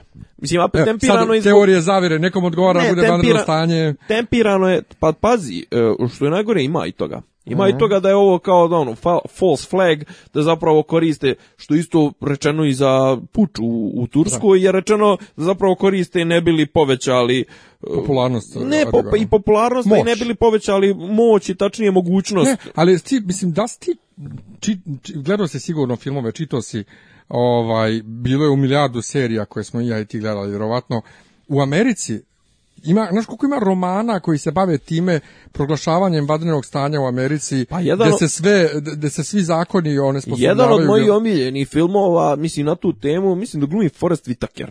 Zove se sedam predsjednikovi dana, to je remake nekog filma iz 50. Neki je zapravo gdje vojna, vojna, vojni establishment pokušava da proglasi predsjednika ludim, da zavede vanredno stanje, to jest ovaj, ratno stanje, da bi izveo tenkove na ulicu, to da bi izveo puč. E sad, neki kažu, kažem ti, neki teoretičari, iako na kraju se ispostavilo da nema to neke veze s tim, neki kažu da je Erdogan to uradio sam sebi da bi, da bi mogao da izvrši čistke u, u Turskoj, o tome ćemo ali upravo to, dakle, to česta je to tema i ovaj dakle, američkim, američkim medijima proglašavanje vanrednog stanja zbog eh, zbog eh, naprosto onesposobljavanja zakona koja štite neka ljudska prava. Da, bi mogli da, hapse, bi mogli da pohapse ljude, kao što kod nas sablja bila, mislim. A vanredno stanje to sablja vanredno stanje je zapravo suspenzija određenih eh, ljudskih i građanskih prava i zapravo podiže se ovaj podiže se mogućnost eh, istražna generalno podiže se podižu se ovaj dozvoljava se državi više u krivične krivičnim stvarima u istrazi mogu da te drže ono sad što smo pričali, ne mogu, ovaj, 48 sati mogu da te drže, pa saopšte zašto se optužena. Kad je vanredno stanje, mogu da se drže mnogo duže. I sad, desio se Istanbul sutran uveč odmah. Ja sam opet vidio tako što je ja, moj drug koji živi u, Istanbulu, a trenutno je kod kuće ovde, mhm. napisao nešto na turskom, što je Istanbul. Ja u kuću sam i vidim, kao, what the fuck. Meni je stigla notifikacija od Sputnika, recimo, piše kao državni puč, e, vojni puč u Turskoj. I sad šta je bilo? Bilo je ko, za Brexit je bilo. U početku se činilo da je uspješan prvih jedno sat, dva, se činilo da je uspješan i onda je se desilo, mislim, onaj pravi obrt, onako twist, onaj hollywoodski, da je... Preko da je, FaceTime-a. da je, da je Erdogana, da ga, ga je spasila, spasile su ga društvene mreže koje on nemilosrdno ukida, Guši. cenzuriše i ne znam, ovaj, njega znači spasio ga internet, jer je on pozvao narod da izađe na, na, na ulice i ovaj desilo se to da taj narod izašao i pokrenuo da otima od vojske oružje, tenkove, krenuo da maltretira vojsku. Šta se desilo? Desilo se to da sam on Mislim, on su pod jedan tehnički, o, taktički gledano, strateški loše su odradili taj puč. On smo morali njega da roknu. On su tu imali nekoliko prilika. Prvo kaže izgleda... E, ali čeka, ali ti... ga dobro Ti izvodiš puč dok je on na odboru u, u, u ljetovalištu nekom tamo... Dobro, dobro, do, to, to je dobar moment. Pa, jer, zašto ako njega trebaju doganjaju? Pa nije, ali ti možeš mnogo lakše da ga sjebeš tu nego u predsjedničkoj palati koja ima ono obezbeđenje. Ali oni nisu išli njega da sjebu. Pa jesu, on, jesu, kaže zakasnili jedno sat vremena. Zakasnili su sat vremena. Druga stvar, on je, slet, letio. On a on su pa, krenuli da vrše... Smo. On su krenuli da vrše puč. I on su krenuli da vrše puč i krenuli da, da mijenjaju vlast avionima. Mislim, što je glupost potpuna. Izvali su oni, blokirali su oni ove, mostove na Bosforu i svašta nešto. Ovaj, on su krenuli da, da blokiraju mostove, a međutim, šta je, kaže, gdje je prilika bila da, da, to odrade, što su da odrade, on kad je kružio tim svojim avionom, on su u tom trenutku imali F-16 dignute u vazduh, on su trebali da sruše avion, mislim, ako su htjeli da ga ubiju i ako su išli na to, a, ako su išli na potpuni puč, morali da ga ubiju, jer jednostavno drugačije nije moglo jer on toliko popularan u, u, državi, realno on je popularan, čovjek ima, za njega je na prošlim izborima glasalo 23 miliona Turaka. I on ima čovjek redovno, ima 50 i nešto posto ovaj podrške na, na izborima, tako da ono, ako su krenuli, e, šta je, šta je kvaka? Ja u prvom momentu kad, se, kad je krenulo da se dešava sranje, kad su rekli da vojska pravi u puč u Turskoj, e, svi koji znaju nešto malo znaju da je vojska u Turskoj čuvar sekularizma. Međutim, odavno to više nije da tih kemalista zapravo u vojsci ima vrlo malo. Tačnije ima ih, ali nisu toliko eksponirani i, onda kad se desilo to da su sve e, opozicijne stranke osudile pokušaj puča i ovaj odrekle ga se to jest e, ovaj izrazle ono Ka, podršku. Ne, ne, ne, baš suprotno, nego kad su se o, ogradile, da, pa dobro, nije podrška Erdoganu, nego Erdoganu, nego u smislu, pa mi nemamo, nemamo veze sa tim pučom, onda se skapirao zapravo da su puč izveli ti glenisti, kako se, kako se zovu, a tu su pripadnici tog nekog, on kakav već zovu i kult, to je ta neka ovaj, ekipa koja je poštuje i prati tog Fetulaha Gülena, koji je zapravo, kažu, bio drugar sa Erdoganom do 2013. Onda se popičkali oko neke love. I onda je on ovaj, emigrirao i sad je u, pod zaštitom SAD-a. A, a, ovaj, a ti njegovi su, kažu, zapravo da mi uopšte ne bi trebalo da navijamo za, protiv Erdogana, jer da kažu da su ti njegovi još gori. Tačno, znači, da je on gori, neki kažu da je gori, neki kažu da nije gori, on je neki imam koji je ono, propovjednik, sad kakav, kakvu on vrstu islama nudi, ne nudi nebitno je, Erdogan je po, sam po sebi, on jeste neki umereni islamista i, i, hoće da bude sultan, ali Erdogan je podvoredan korumpiran. Mislim, kad govorimo o Erdoganu, govorimo o stotinama miliona koje su hap, maznute, o predsjedničkim palatama koje on pa zida. svako koje ko vlada toliko dugo koliko ko on je korumpiran. Ne, ali on je, on je apsolutista i sad je, sad šta slijedi, slijedi čistka, on je već sad je, da se cifra popila na 9000 uhapšenih što policajaca, što vojske, što uglavnom se hapsi po vojsci i po pravosuđu hapsi. u neke i guvernere i to sad nas čeka totalni haos. Međutim, ima i ona strana spoljnopolitička. politička Erdogan je dva dana prije toga ili dan prije toga je ovaj izvinio se i ponovo uspostavio odnose sa Rusima. I onda su oni svi, skočili da kažu da su Ameri podržali ovaj puč, međutim na kraju su ispostavilo da nisu ni Ameri, međutim trenutno su odnosi Amerike i SAD su vrlo sumnjivi jer je taj... Amerike i SAD. E, Amerike i Turske, izvinjam se. Su, su vrlo, vrlo zategnuti zato što taj Gulen, ovaj, Erdogan traži njegovo izručenje. Ameri, da će da ga izručuju, Ameri ne vole da izručuju mislim, ljude iz, iz Amerike, nebitno da li su, da li su ovaj, kako zove, Amerikanci. da li su Amerikanci, da li nisu, jednostavno i traže neke dokaze da, da vide da li ovaj, ovaj, e sad šta je fora, Ameri su Turci su glavni saveznik Amerikancima, ne samo po pitanju Isisa Sirije, to nego jednostavno na tom području, pogotovo od pada Mubaraka i pa, ovaj, promjene vlasti u Egiptu, najveći, osim Izraela, najveći saradnici Amerike su Turci već 50 godina. I vojska je uvijek bila prozapadna, i uvijek je bila sekularna i uvijek su Ameri imali dosluh u vojsci. Međutim, izgleda nije uopšte ta struja pravila sranja u Turskoj. Kažem, sad je Erdoganu je ovo došlo ko kec na, na, na, na deset da, da izvrši dodatnu čistku i da, ono, da mu popularnost skoči sa 52 na 65, 70 ili 80%. Sa ja se sve bojim da, da neko to ne vidi taj način modus operandi pa da ne pokušaju nekoj drugoj državi tako neko. Pa on je rekao da neko hoće pokuša puču u Srbiji odmah sutradan tako nešto. Ne, ali... ne, ne, nego je bilo je pitanje da li tipa sa happy ili tipa sa, sa iz Informera ili tako nešto. Bilo je pitanje, pazi, pazi pitanje na konferenciji za štampa, evo ti si u tim novinarskim vodama. Kaže, kako komentarišete? Mislim, prvo, kako je pitanje premijer, kako komentarišete? ako hoće da komentariše, nek, nek, otvori Facebook nalog ili nek ne znam, ja... A, pa dobro, nek, nek se priključi forum pa nek komentariše. Kaže, kako komentarišete to što su neki, omiljena riječ ovaj, SNS-a, neki u Srbiji se raduju što bi mogla se desi slično što Znači, toliko špekulacija što neki se raduju što bi ne moglo da se desi nešto slučno. I onda je on rekao, ha mali džakica tako mali džakica zamišlja, puč, ha, vidio sam to. Pa kad si vidio, pošto je on to veče držao sjednicu odbora za bezbednost i ujutru u, jedan, u deset je držao konferenciju za štamp, kad je stigo da vidi to? Znači, on, radi išta drugo, osim što čita forume i, i, i, i, i, i, i, i, i, šta ti, mislim, ja pratim jednog tipa na jednom forumu, čovjeka, naš tip iz Turske koji stalno ovaj, dotura baš onako kvalitetne informacije, mislim i tumači nam ta sranja. Znači, recimo, zanimljivo je to da se Kurdi su se poprilično držali na distanciju u, u, u, vezi sa svim ovim. I on kaže da je sad tipa turska vojska koja je ono sila jebe ga trenutno je dal, dal 3000 ili 6000 oficira je pohapšeno, znači komplet komandnog kadra, avijacija sva je smijenjena, znači neće imati ko da leti u turskim avionima, malte ne. Tako da sad turska vojska je ono teško obezglavljena i, iskasapljena. Šta će biti?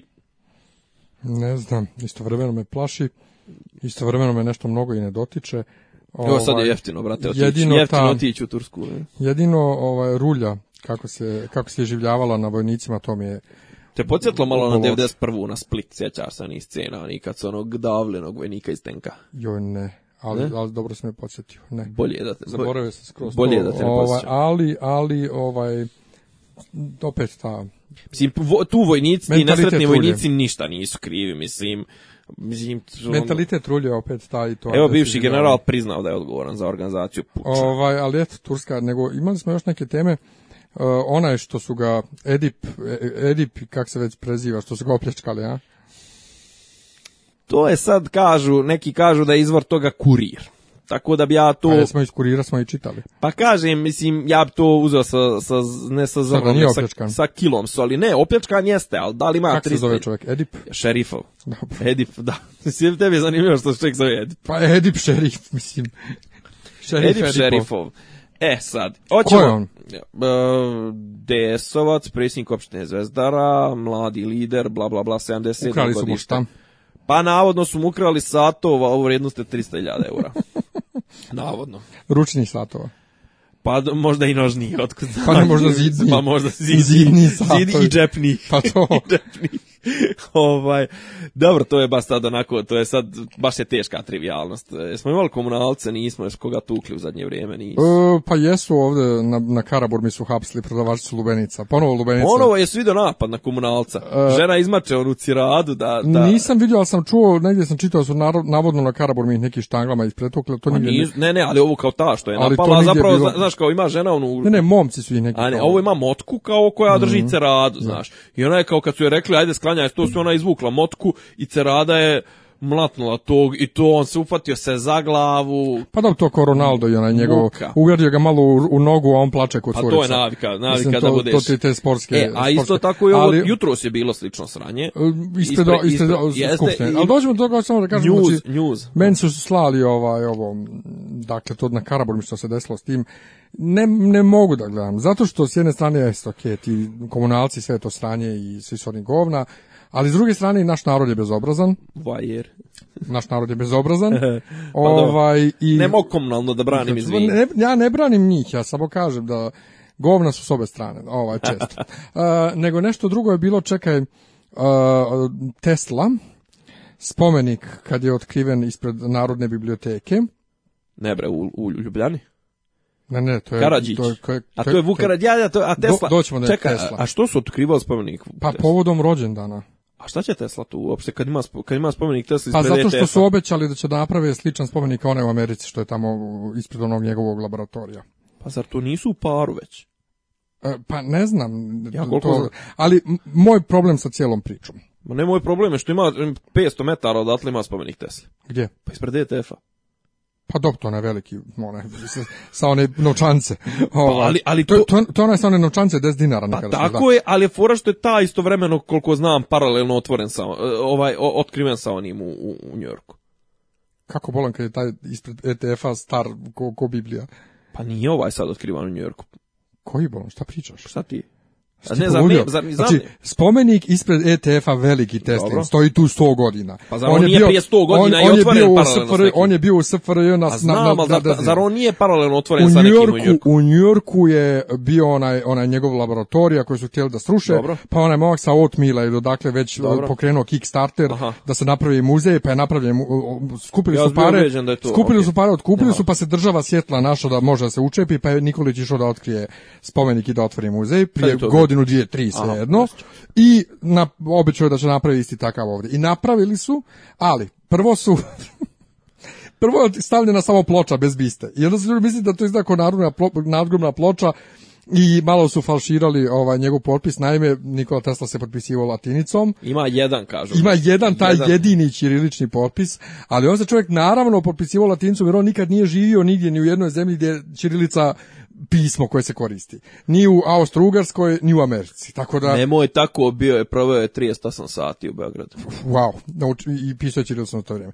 Svejedno, tu je e, je, ovaj, pa, možda, on, je, pa, pa, pa, pa, pa, pa, pa, pa, pa, pa, sve u svemu, ovaj... Znaš da je Tito imao one potpise i Čirilične i Latinične. Pa imam i ja, ja isto imam, ja imam jedan Čirilični koji mi za dokumenta i za sve što je na Čirilici, imam Latinični standardni. Ja, ja, ja imam isti zato što je nerazumljiv i na jednom i na pa, drugom. Pa, mislim, te je ja imam, ja, mislim, ja imam, ja sam se cijeli život profesio latincom imam ćirilični zašto sam, ajde što ja volim kad je dokument ja na ćirilici da sve pišem ćirilicom, nego što u nekim određenim situacijama zahtijevaju da se potpiše ćirilicom. Pa kako brate, moj potpis je žvrljotina jeba. Ne znam, ovaj, sve u svemu, dakle, dignuta je frka oko tog crnog merbera, izgleda kao nargovni spomenik, ovo ono, Nisam ovaj to, isto, isto je ispred hrama Svetog Save, ovo ono prvo nije uopšte toliko ispred hrama Svetog Save, na svakoj stici vidio stoji ispred Narodne biblioteke zapravo. I ovaj, kad su stavili bistu, to stvarno ok izgleda sa tom bistom koja nekako djeluje kod je okrenuta ka hramu. Bojan Jordan, jedan moj poznanik sa Fesa, koji fotografiše i dodaje milijardu filtera, pravio neke svoje ovaj izložbe, jako lijepo to sve izgleda ono instagramski, je napravio fotografiju gdje izgleda bukvalno kod da, se, kod da on okrenut hramu i da se moli. I sad, moj problem, e, kad se ljudi bune protiv to svojatanje testa od strane crkve, ok, jest, crkva idiotski potpuno postupa. I ja sam milijardu puta pokušao da objasnim da to nije sad hram Svetog Save, hoće testu tu da bi ljudi više dolazili u hram Svetog Save, više para, tako to. Oni ne razmišljaju tako. Ovo ti je ovako, patrijarh se probudi ujutru i pomisli, hm, kako bi bilo dobro da uradimo to i to i onda on to sprovodi bez ikakvog plana, bez ikakve razloga. E, ali saznao sam zapravo, ovaj, i ovo među nama, ovo uopšte nije maslo crkve da se, da se e, Tesla prebaci ovaj, u hram Svetog Save, nego države. Znači, dobro, neko iz državnog vrha je došao ne, na tu ja, ideju. Ja znam, ja znam da je mali prilično znači, vratoboran zagovornik toga, neko iz ali, ali... Vrha, ne, ne, ne, neko iz državnog vrha je došao na ideju i zapalio ove iz crkve, dao im Aha, da se on, e, znači, ne znam znači, šta je sad starije uopšte, kokoške ili jaje. oni su to njima, je prva ideja, ali, oni su to njima predložili. Pa, mora, mora biti saradnja države i crkve, ne, ne, svakako. Vazi, crkva se prima za sve. Znači, da. ko, ko češće, Ovaj, ali, dakle, to je Ali, šta meni sad u svemu tome smeta? To jao što je ispred što je ispred Dobro, ali nije samo ispred Hama, tu je Narodna biblioteka.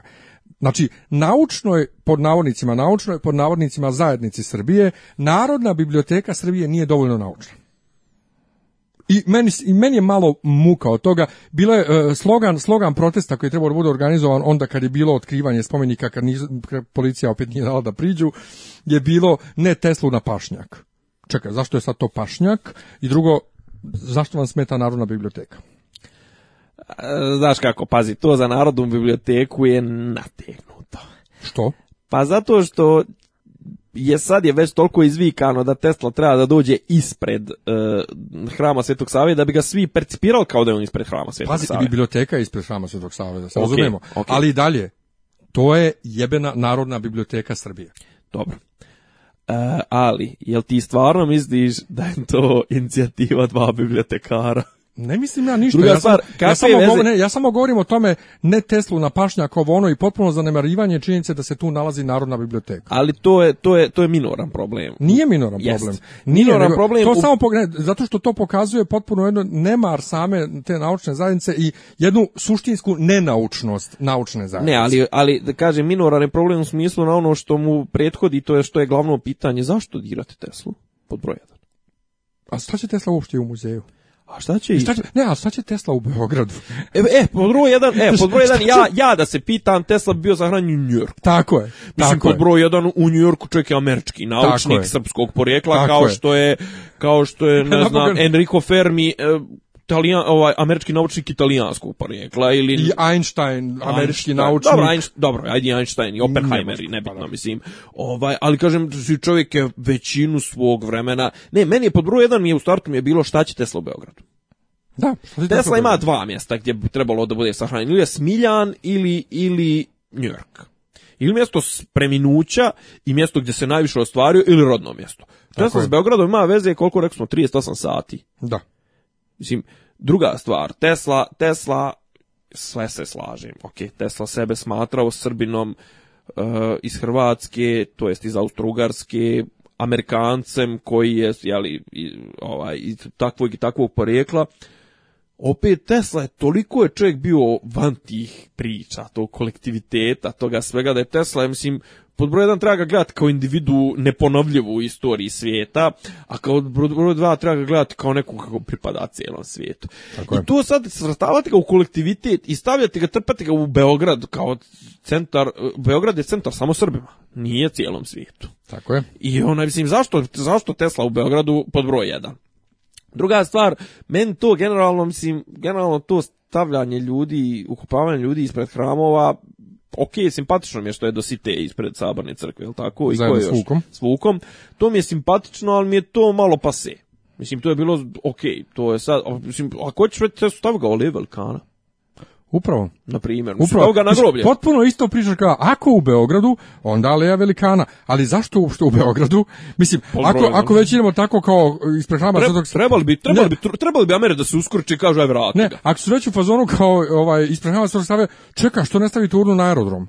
Aerodrom Nikola Tesla, izvolite, evo urna Nikola Tesla. Ja, a, to, a to nazivanje aerodroma Nikola Tesla mi je... Ne, to je, potpuno zasebna priča e, prvo rekao to to, ne, popularno prije par godina. Istrčavanje Srbije koja nije dala ni dinar država Srbija za to u New Yorku da ide da da otkrije tamo spomenik, ovaj to jedno, drugo svojatanje Tesle u poslovne svrhe, dakle aerodrom ili ovaj tablet Tesla, telefon Tesla i tako to, što ljudi prvo doživljavaju kao je srpski proizvod, to je no name kineski proizvod na koji oni lijepe. Ovaj i da se on zove Vesa, vlasnik Trade da. kurac bi se tako prodavao, nego ti druge razredni proizvod stavljaš sa van seri, ime van serijskog naučnika i ljudima prodaješ ideju da je to srpski proizvod. Ja znam ljude koji misle da se Tesla telefoni i Tesla televizori proizvode u Srbiji. ko gdje? Mi nemamo fabrike, mi nemamo fabrike ni za da. li za to. Tako, dobro, iskreno ja ne znam odakle pravo je onome Ilonu masko da, da mu se auta zovu Tesla. Šta, Tesla Motors? Da. Ne znam nebitno. Ima recimo Ali oni rade nešto, mislim, ali oni opet rade skroz u duhu Tesla. Ti znaš da su oni sve one svoje patente. Ne, ne, apsolutno, su sve vrlo zanimljiva, zanimljiva patente dali ljudima besplatno. Apsolutno su zanimljiva priča. E, ali recimo to ta to sad e, nazivanje, ne znam, nija popularno je sad kao, znaš da se pionir više ne zove pionir. Stvarno? Hala, da. Nego? Sad se zove Aleksandar Nikolić. A Hala sportova na novom se zove Ranko Žeravica. Jeste, Ranko Žeravica, da. Znači, a, ono, a, a, a, je Aleksandar Nikolić? Još bitniji čovjek od, od Ranka Žeravce. Da. ja sam se zbunio, mi smo imali, mi imali karataški turnir u, mm -hmm. u mhm. hali sportova i kaže hala sportova Ranko Žeravić. Eko Čekaj, je to hala sportova? Mislim, da. to neka druga sala? Hala sportova. Mislim, što, da.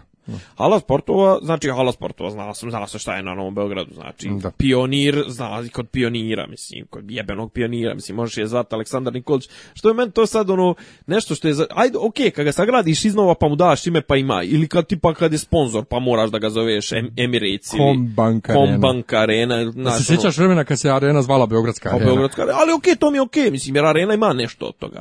Ovo sad ovo tipa kao pionir nazvati ponekom etnako uskurat zato što, zato što se nekom diglo tako, mislim, ono što ti kažeš, diglo, diglo mu se taj, to jutro, onaj na tu stranu i kao, eto, aj da se danas zove, to, to, mislim, to mi potpuno mi je, znaš, mislim, pionir, pa što ga zoveš, što, što mijenjaš pionir, mislim, znaš da se Marakana se više ne zove Marakana, zove se Rajko Mitić.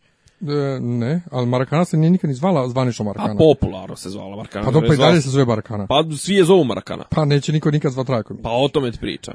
E, ali, mislim, ajmo, zovu ovi što, što moraju. Po... Ali ajmo dalje, sad pomenuo sam Einsteina, moram samo da se neko okačio neke dvije ove E, table one na ulicama. Mhm. Ulica Alberta Einsteina i Mileve Marić Einstein. U oba slučaja piše Einstein. Einstein. Karadžić. Einstein, idemo na to, idemo na to. Einstein, Gosfortjeva ulica. Evo ja sam sad izgovorio, jebeš mi sve ako ja znam kako se to stvarno piše.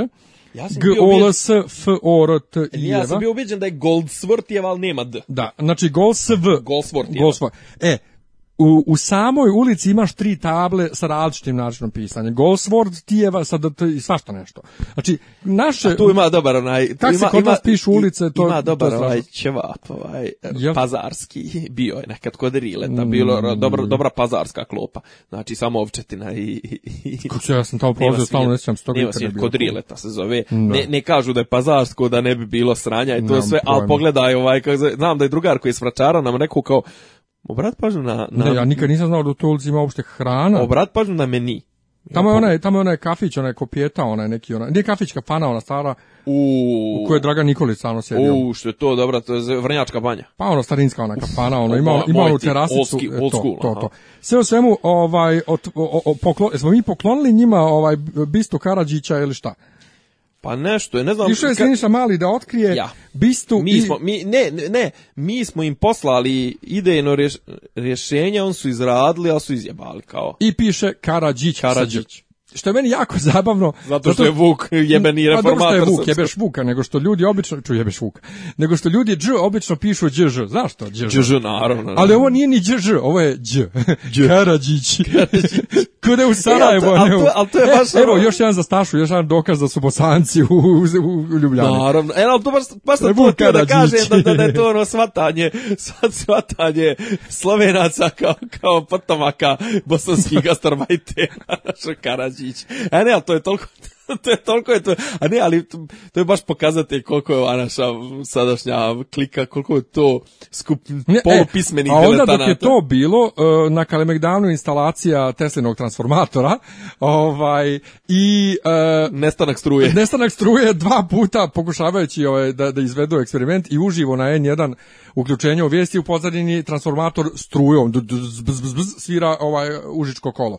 Digla se vas cijela intelektualna elita. Ovaj, ovaj... To nisam vidio, to moram Znači, e, bukvalno svira, idu munje iz njega i te munje prave melodiju. I svira sad e, ovaj užičko kolo dok ova vijesti radi i digla se, kažete, vas cijela intelektualna elita Srbije, što Tesla užičko kolo ono. Jes, džiberana, mislim. Jest, otišao ja, otišao ja sutradan ili tako nešto, pošto par dana bilo, otišao da vidim to.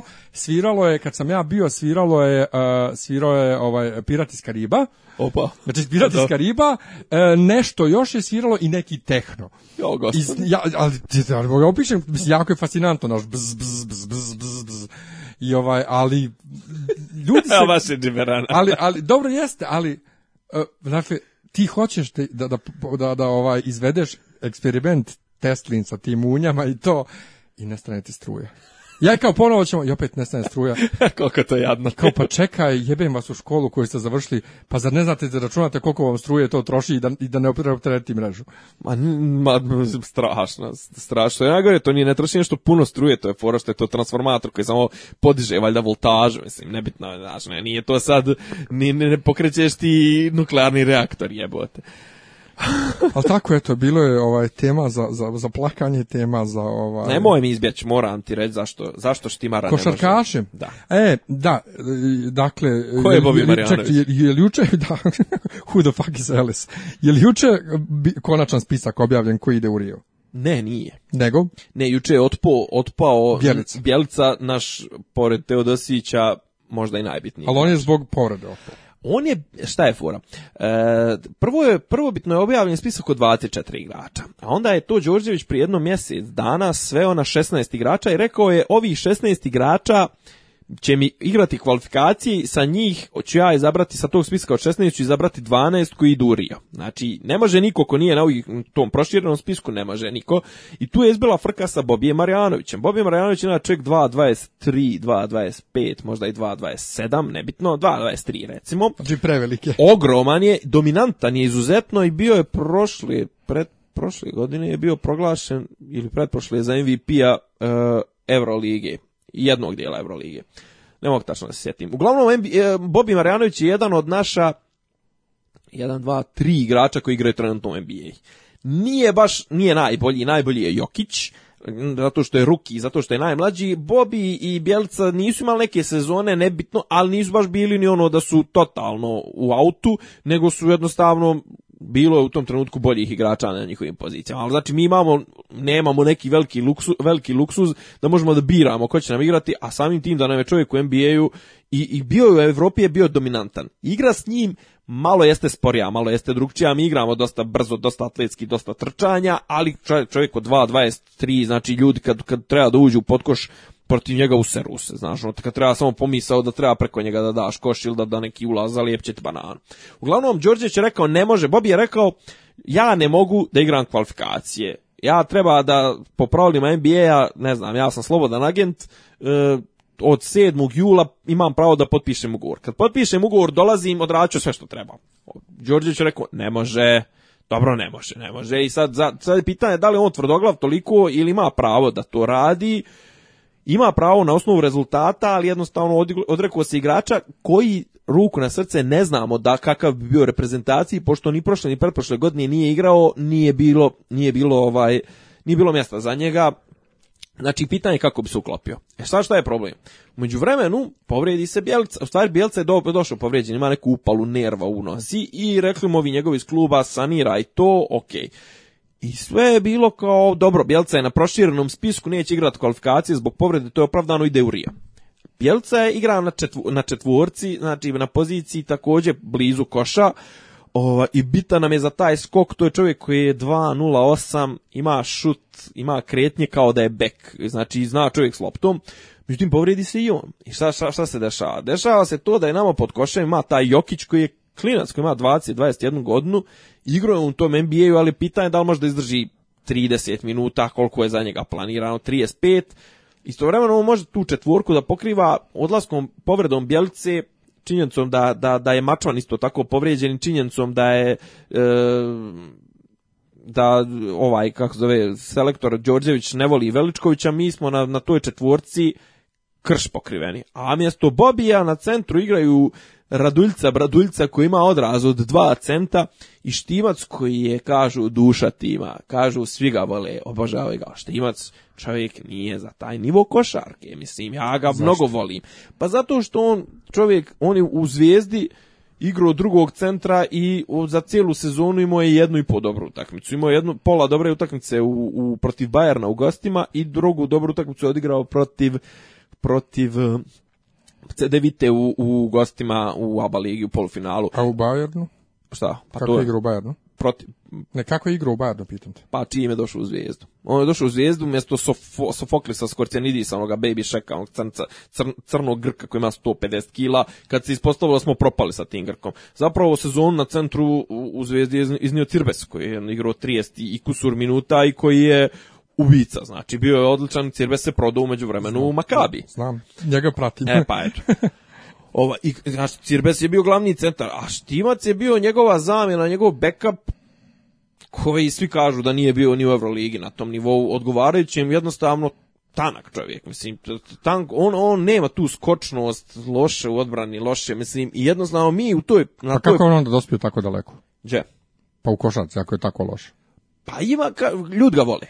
Mislim, vole pa ga... kako da ga ne voliš? Pa ne, vole pa ga i super je lik. I kaže, znači, Đorđević ne da, ne da na njega ništa jer šta je fora sa Štimca. Štimac kaže, zovite me u bilo koje doba dana noći, ja ću se odazvati za reprezentaciju, ako neću da igram, nema veze nikakve, ja ću, vodite me da nosim peškire, da dodajem vodu, da ovo, da ono, on je super, ali on ne treba da bude među 12, vod ga ovako, mislim, vod ga turistički, nije nikakav problem. Međutim, šta je sad problem? Problem je sad što je iskreno rečeno, ima njega nema nešto puno nekog velikog izbora, mi smo na tom, na tom centru krš jedan težak. Raduljcu je, Raduljica je prošlu sezonu igrođe i selektor bio trener.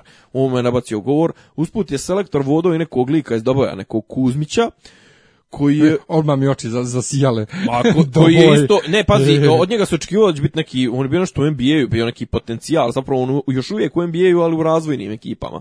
Ovo, ovaj, a on je tako jedan jedan pa, ono, čovjek, čovjek, čovjek lopt, ruke kod da su mu tijesta, znači njemu lopta ispada.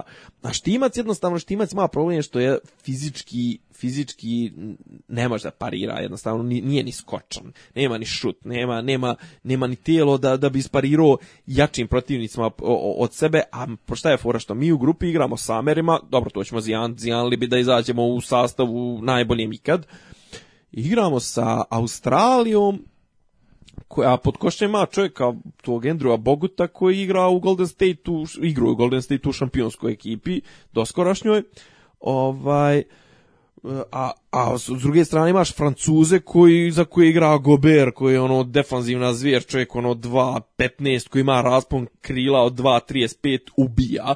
Tako da ćemo mi, vidjet ćeš, pod košem ćemo da budemo jedna teška promaja, a kažem ti, a selektor nam je tvrdoglav, ne možeš mu reći, ej, nemaš pravo zato što je selektor ima srebrnu medalju sa svjetskog prvenstva. Iako je prošle godine on je sve ovo izjebo s time što smo prošle godine izgubili Litvanaca kad nismo trebali da izgubimo i mi smo zbog toga morali da igramo kvalifikacije, to sve mi da smo se plasirali u finale mi bi išli direktno u, u, u, Rio, a ovako ćemo otići, bit ćemo možda četvrti u grupi, pobjedit pa ćemo tu neku Venezuelu i tu neku Nigeriju i onda će nas Španci dofat iz druge, ovaj, iz druge grupe prvoplasirani i odvalit će nas od života. Ja, e, što to, što to ide tako, Kako? pa bolji protiv lošijeg? Pa zato što je bolji zaslužio da svojim grup, igrama u grupi da igra protiv loših. Aha. Ali sad ono pitanje koje sam ti sinoć postavio, ovaj, eto, pominješ Manšaft stalno njemački, ovaj, kod njih, ok, mi znamo pojedinačne futbalere kod njih, ali oni nemaju zvijezda, oni uvijek imaju tim. I koji god sastav da igra, oni imaju istu igru koju, koju diktira trener, to je selektor. Dobro. Ovaj, ali zašto Nijemci mi... recimo, zašto Njemci 2000, 2000 2004. 5. 6. 7. 8. nisu bili ono što su bili 2002. kad su imali Kana. U fudbalu. Da. Pa zato što Zato što 2006. nisu osvojili u Zato što u ili nisu imali ček, zašto ili nisu imali dovoljno dobri igrače sve zajedno, sve zajedno ili Silvio je ovaj Löw selektor. Bio Klinsman. Pa eto, Klinsman, onda da smo da je loš Klinsman. Ali Klinsman, ali Löw mu, Löw mu je bio pomoćnik. Puno znači pomoćnik. Uh, ali, dakle, u košarci imamo povremeno taj problem. Ne, dobro, aj u futbalu smo navikli da naši igrači pojedinačno po klubovima igraju dobro, a u reprezentaciji go kurac, ali košarka povremeno ima taj problem. Sjet se 2005. je bilo kod nas evropsko prvenstvo kakav je haos bio. Ali ovaj, mi smo 2005. smo bili, bili tako ujednačena i dobra ekipa superstarova koji su došli ovdje iskreno rečeno da se zajebavaju, a ne da to osvoje i došli da jebu pičke i E, ali upravo, a da, dakle, došli su zvijezde. Ovaj, gdje ste pička došao čole, kako se kaže već. E, zašto i sad imamo to, jao, zašto ne ide Bobi, jao, Bjelica, zašto se ne, ne ide na to da se pravi tim, zašto patimo od imena, zašto ne patimo od tima? Zato što e, Bobi Marjanović konkretno nema šta je luksuz da se odrekneš takvog igrača, jer Bobiju je alternativa štimac. Znači, a Bobby je MVP MVP Evrolige, čovjek koji je davao po 15, 17 pojena po utakmici, imao 11 skokova i 5 banana, a Štimac ima čovjek 3 pojena po, po utakmici i 2 skoka. Znaš, ono, nemamo mi taj luksuz, nekad smo mi imali taj luksuz da je da, da igramo da da reprezentacija Jugoslavije bivše. i ne znam, nemamo ja... neka nepoznata imena. Ne, ne, pa ali to su ljudi, to nemamo, jednostavno nemamo. Po našim klubovima nema pa nema, taj to što kažu depth. Ne, pa ne možeš od, ne možeš od klinca od 18 godina na, na, na, na olimpijadu doći mu, neki tamo matorac koji ima 30 koji je teži od njega 30 kg i oduvaće ga.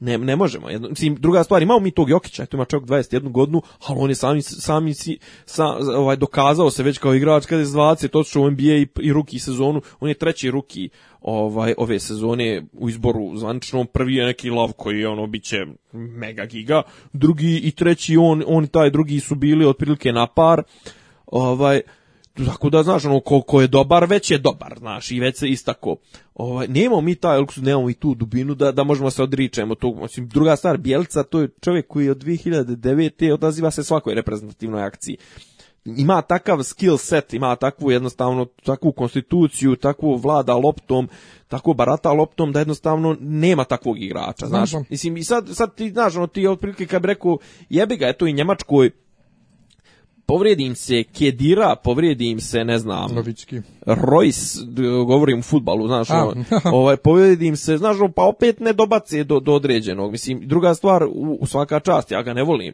ali kurac bi Portugal igrao u finalu da nije bilo Ronalda, mislim, iako su igrali katastrofalni, jebi ga u jednoj bitnoj takmici on je odigrao sve, mislim, protiv, ne znam, pa, on su trebali da ispadnu od Mađara u grupi čoveče, boži, gubili su 3-1, onda je Ronaldo dao dva gola. Ali uspio je i da zadrži savršenu frizuru. Naravno, i savršen osmijeh ko, koji zasluža neki zubar, koji mu ga je očigledno odvalio od života, ti sjećaš se njegovih zuba s početka karijere. Ne, to ni Ne, ja ovaj ne, ne pratim ovaj manekene fudbalere. Odvratan Ovaj jedan Ronaldo postoji samo. Da. Naravno, to se apsolutno se slažem. jedan je Zuba. Postoji samo Zuber, Zuber, Postoji samo jedan. Pa dobro, fu, brate, dva sata već pričamo. Ajde da preporučimo ljudima nešto pa da se razilazimo. Čekaj. Ajde preporuči, ja sam, hoćeš da ja ili ćeš ti prvo? Aj ti prvo. Ja, uh, pojavila se nova serija HBO-a. Jeste, zove se The Night Off e, neki klinac, neki pakistanac u Americi e, završava s trebom u sobi, budi se, on je naravno, on se budi, ona je mrtva, onda hudanic, osam, osam epizoda se očekuje, tek je prva izašla, uglavnom lik je John Torturo, glumi njega, njegovog advokata, te, ko su ljudi koji stoje za serije, neki Ilijan ili tako nekako, i Richard Price koji je režirao uh, Wire, znači ovaj zailijan čovjek je e, pisao e, pisao je scenarija za za recimo American Gangster, za ne znam isto ono Gangs of New York, Hannibala, Mission Impossible, bla bla bla, Awakenings, Schindlerovu listu. Ovaj usput je nešto malo i, i režirao, tako da ovaj a pa HBO, ono, bi ga, nema greške, vuče malo i na Vajer, ima i nekih glumaca ovaj, iz Vajera, onako dobro, atmosferično, masno, upija, 2000, ono, ajde sad opet da, da lupnemo onaj, ne znam, kako bi trebalo 2016. da izgleda dobra, dobra, ono, dobar krimić sa dobrim zapletom, ne baš Twin, ono, Twin Peaks bez, bez ovih eh, fantastičnih elemenata. Dobro, ja isto imam TV seriju, izašla je, pa izašla je e, neki dan, 15. E, jula, znači prije tri dana, na Netflixu, Netflixova serija. E, ja sam je zapazio prošle nedelje, ja mislim, početkom prošle nedelje ili tako nešto za vikend, trailer izbacili i ovaj... A Netflix ono onako izbacuje komplet seriju odjednom, je tako? Pa ne uvijek. Ne, uvijek. Uglavnom, da. ali ne uvijek. Ovo je samo prva serija izašla, prva, prva epizoda. Pa da, uh, čega, te Ovo je cijela sezona izašla od osam epizoda. Serija se zove Stranger Things ili ti čudnije stvari. Ovaj, odigrava se 83. Dobro. I to je ono što je zabavno, što je komplet vibe serije djeluje kod, ima tu tamo neki gaf, ovaj, recimo pjesma iz 87. svira na radiju, ali ovaj, jako je, jako ovaj, ima atmosferu 83. i urađena onako u duhu Spielberg, uh, Spielberg, Stephen King, Carpenter. I vidim da to nema veze sa onom serijom, onaj Deutschland, Drajon, mm, Nema, nema. Znači, ovo je serija radili su braća to... Duffer koji su radili na ovaj Wayward Pine seriji. Uh, i... E, taj Wayward Pine nikad nisam, to sam, ja, sam neki, je fa, neki je Ja sam preporučio, znači serija nije toliko dobra koliko je ovaj dobro prvih pet epizoda. Koliko je dobra ovaj e, knjige su dobre. Glavne uloge ovdje glume Vajnona Ryder i David Harbour. Ali Vajnona Ryder je majka e, djeteta koje nestane. Opa. E, znači imaš dječake koji se igraju Dungeons and Dragons tako nešto i jedan od njih nestane u šumi, a u uvodu seriju, znači prva, prva scena kao teaser je nešto, neki naučnik bježi kroz neke hodnike, neki lift, nešto je tu neko čudovište, kao vidimo ima, nema čudovište, naučnik nestane i onda ide ovo s djecom i djete nestane i sad da li je mrtav, nije mrtav, traže ga, pojavi se neka djevojčica koja ima super neke ovaj, nadprirodne moći i onako, jako je atmosferična serija, da li ima čudovište, da li nema, da li mali mrtav nije mrtav, zavjera vlada, e, laboratorija koja tu u, u selu njihovom radi.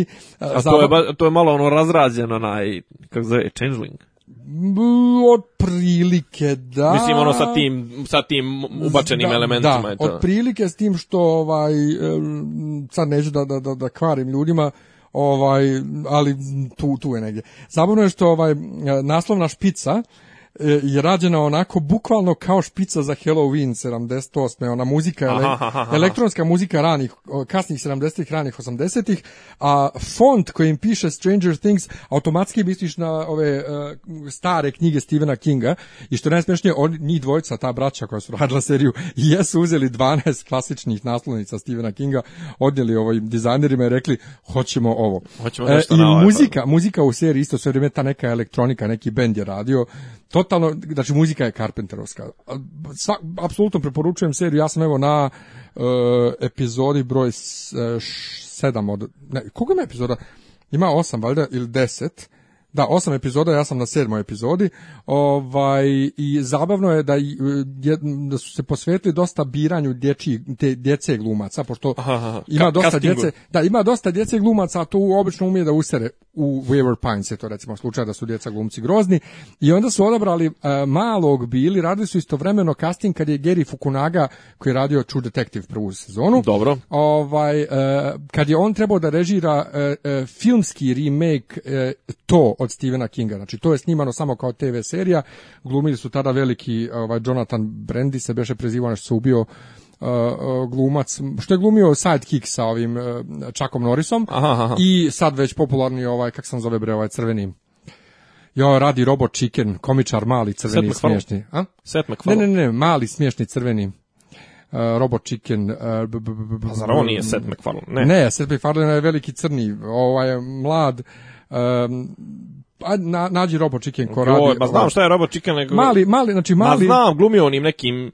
niski serijama nekog, nekog nervoznog onog e, niski set crveno set gri pa znam neki to. set jebe e, on glumi u, u, Itu i sad su radili dakle istovremeno kasnije kad je Gary Fukunaga radio za svoj It i odabrali su isto glumca kako je on kojeg on odabrao i onda kad je njegov uh, ovaj It propao mali je dobio ulogu kod njih i sad kad je IT ova, ipak preuzeta ponovo ova produkcija, Mali je dobio opet ulogu u IT, tako da će biti u IT. To je ovaj pa Mali što glumi majka u seriji. Sve o svemu, ako volite te klasične kao horror, misteri priče, ovaj i e, to zavjera ovo ono malo Stephen King malo Carpenter malo Steven Spielberg ovaj super ovaj to nadprirodno obavezno gledate dakle Stranger Things se serija zove trenutno je prva sezona izašla I stvarno ne znam da li je planirano da bude dalje ili šta vidjet tek ovaj i Stephen King je ocenio sa ocjenom A+. Eto. Dobro, eto čestitam ti otvaranje poglavlja 23 24 Eto, to, toga smo nismo... To je sad, sad pa, pa malo prije. Počestitali pa smo to jednim drugima kad je Staša bilo u mislim. Malo prije, ne, ne, pa to smo Tare... po, po, na, bilo najavljeno, ali umeđu vremenu su Hrvati rekli da će možda nešto da nas jebu, na kraju ne bi seksa. -hmm. ovaj, kao, i ni, ne, kao i uvijek, razočarenje, eto, 23, 24, ali kao što smo rekli, danas jeste, ali kao što smo rekli, to ne znači ništa, to ne ide po redu, nije smo mi na 23. i 4. stanci od 35, mi smo na prvoj i drugoj prvoj stanci. stanci. Čekaj, za nismo na trećoj, smo 35 otvorili već. I zatvorili, šta, nismo? Pa ne, 35 se zatvara zadnje. Šta je 35? Je to Kosovo? da. Aha, pa da. Pa eto, otvorili smo tri od 35, a kad ćemo i zatvrt do tad evropske. Jesi vidio genijalna slika Boris Johnson čestita otvaranje poglavlja Vučiću još to ovaj okačio na svoj Twitter. Znači ono tip koji je zagovarao izlazak iz Evropske unije i koji je uspješno izveo Britaniju iz Evropske unije čestita Vučiću otvaranje poglavlja. A nismo se dotakli nove britanske premijerke i tako, ali... A, dobra, ajde, ima. ostavit ćemo za kasnije. Ostavit ćemo. Sve samo ništa E, hvala što ste bili uz nas, izvinite što ste čekali jednu nedelju. E, čujemo se sljedeće nedelje ponovo, da? Živio. Ćao. Ćao.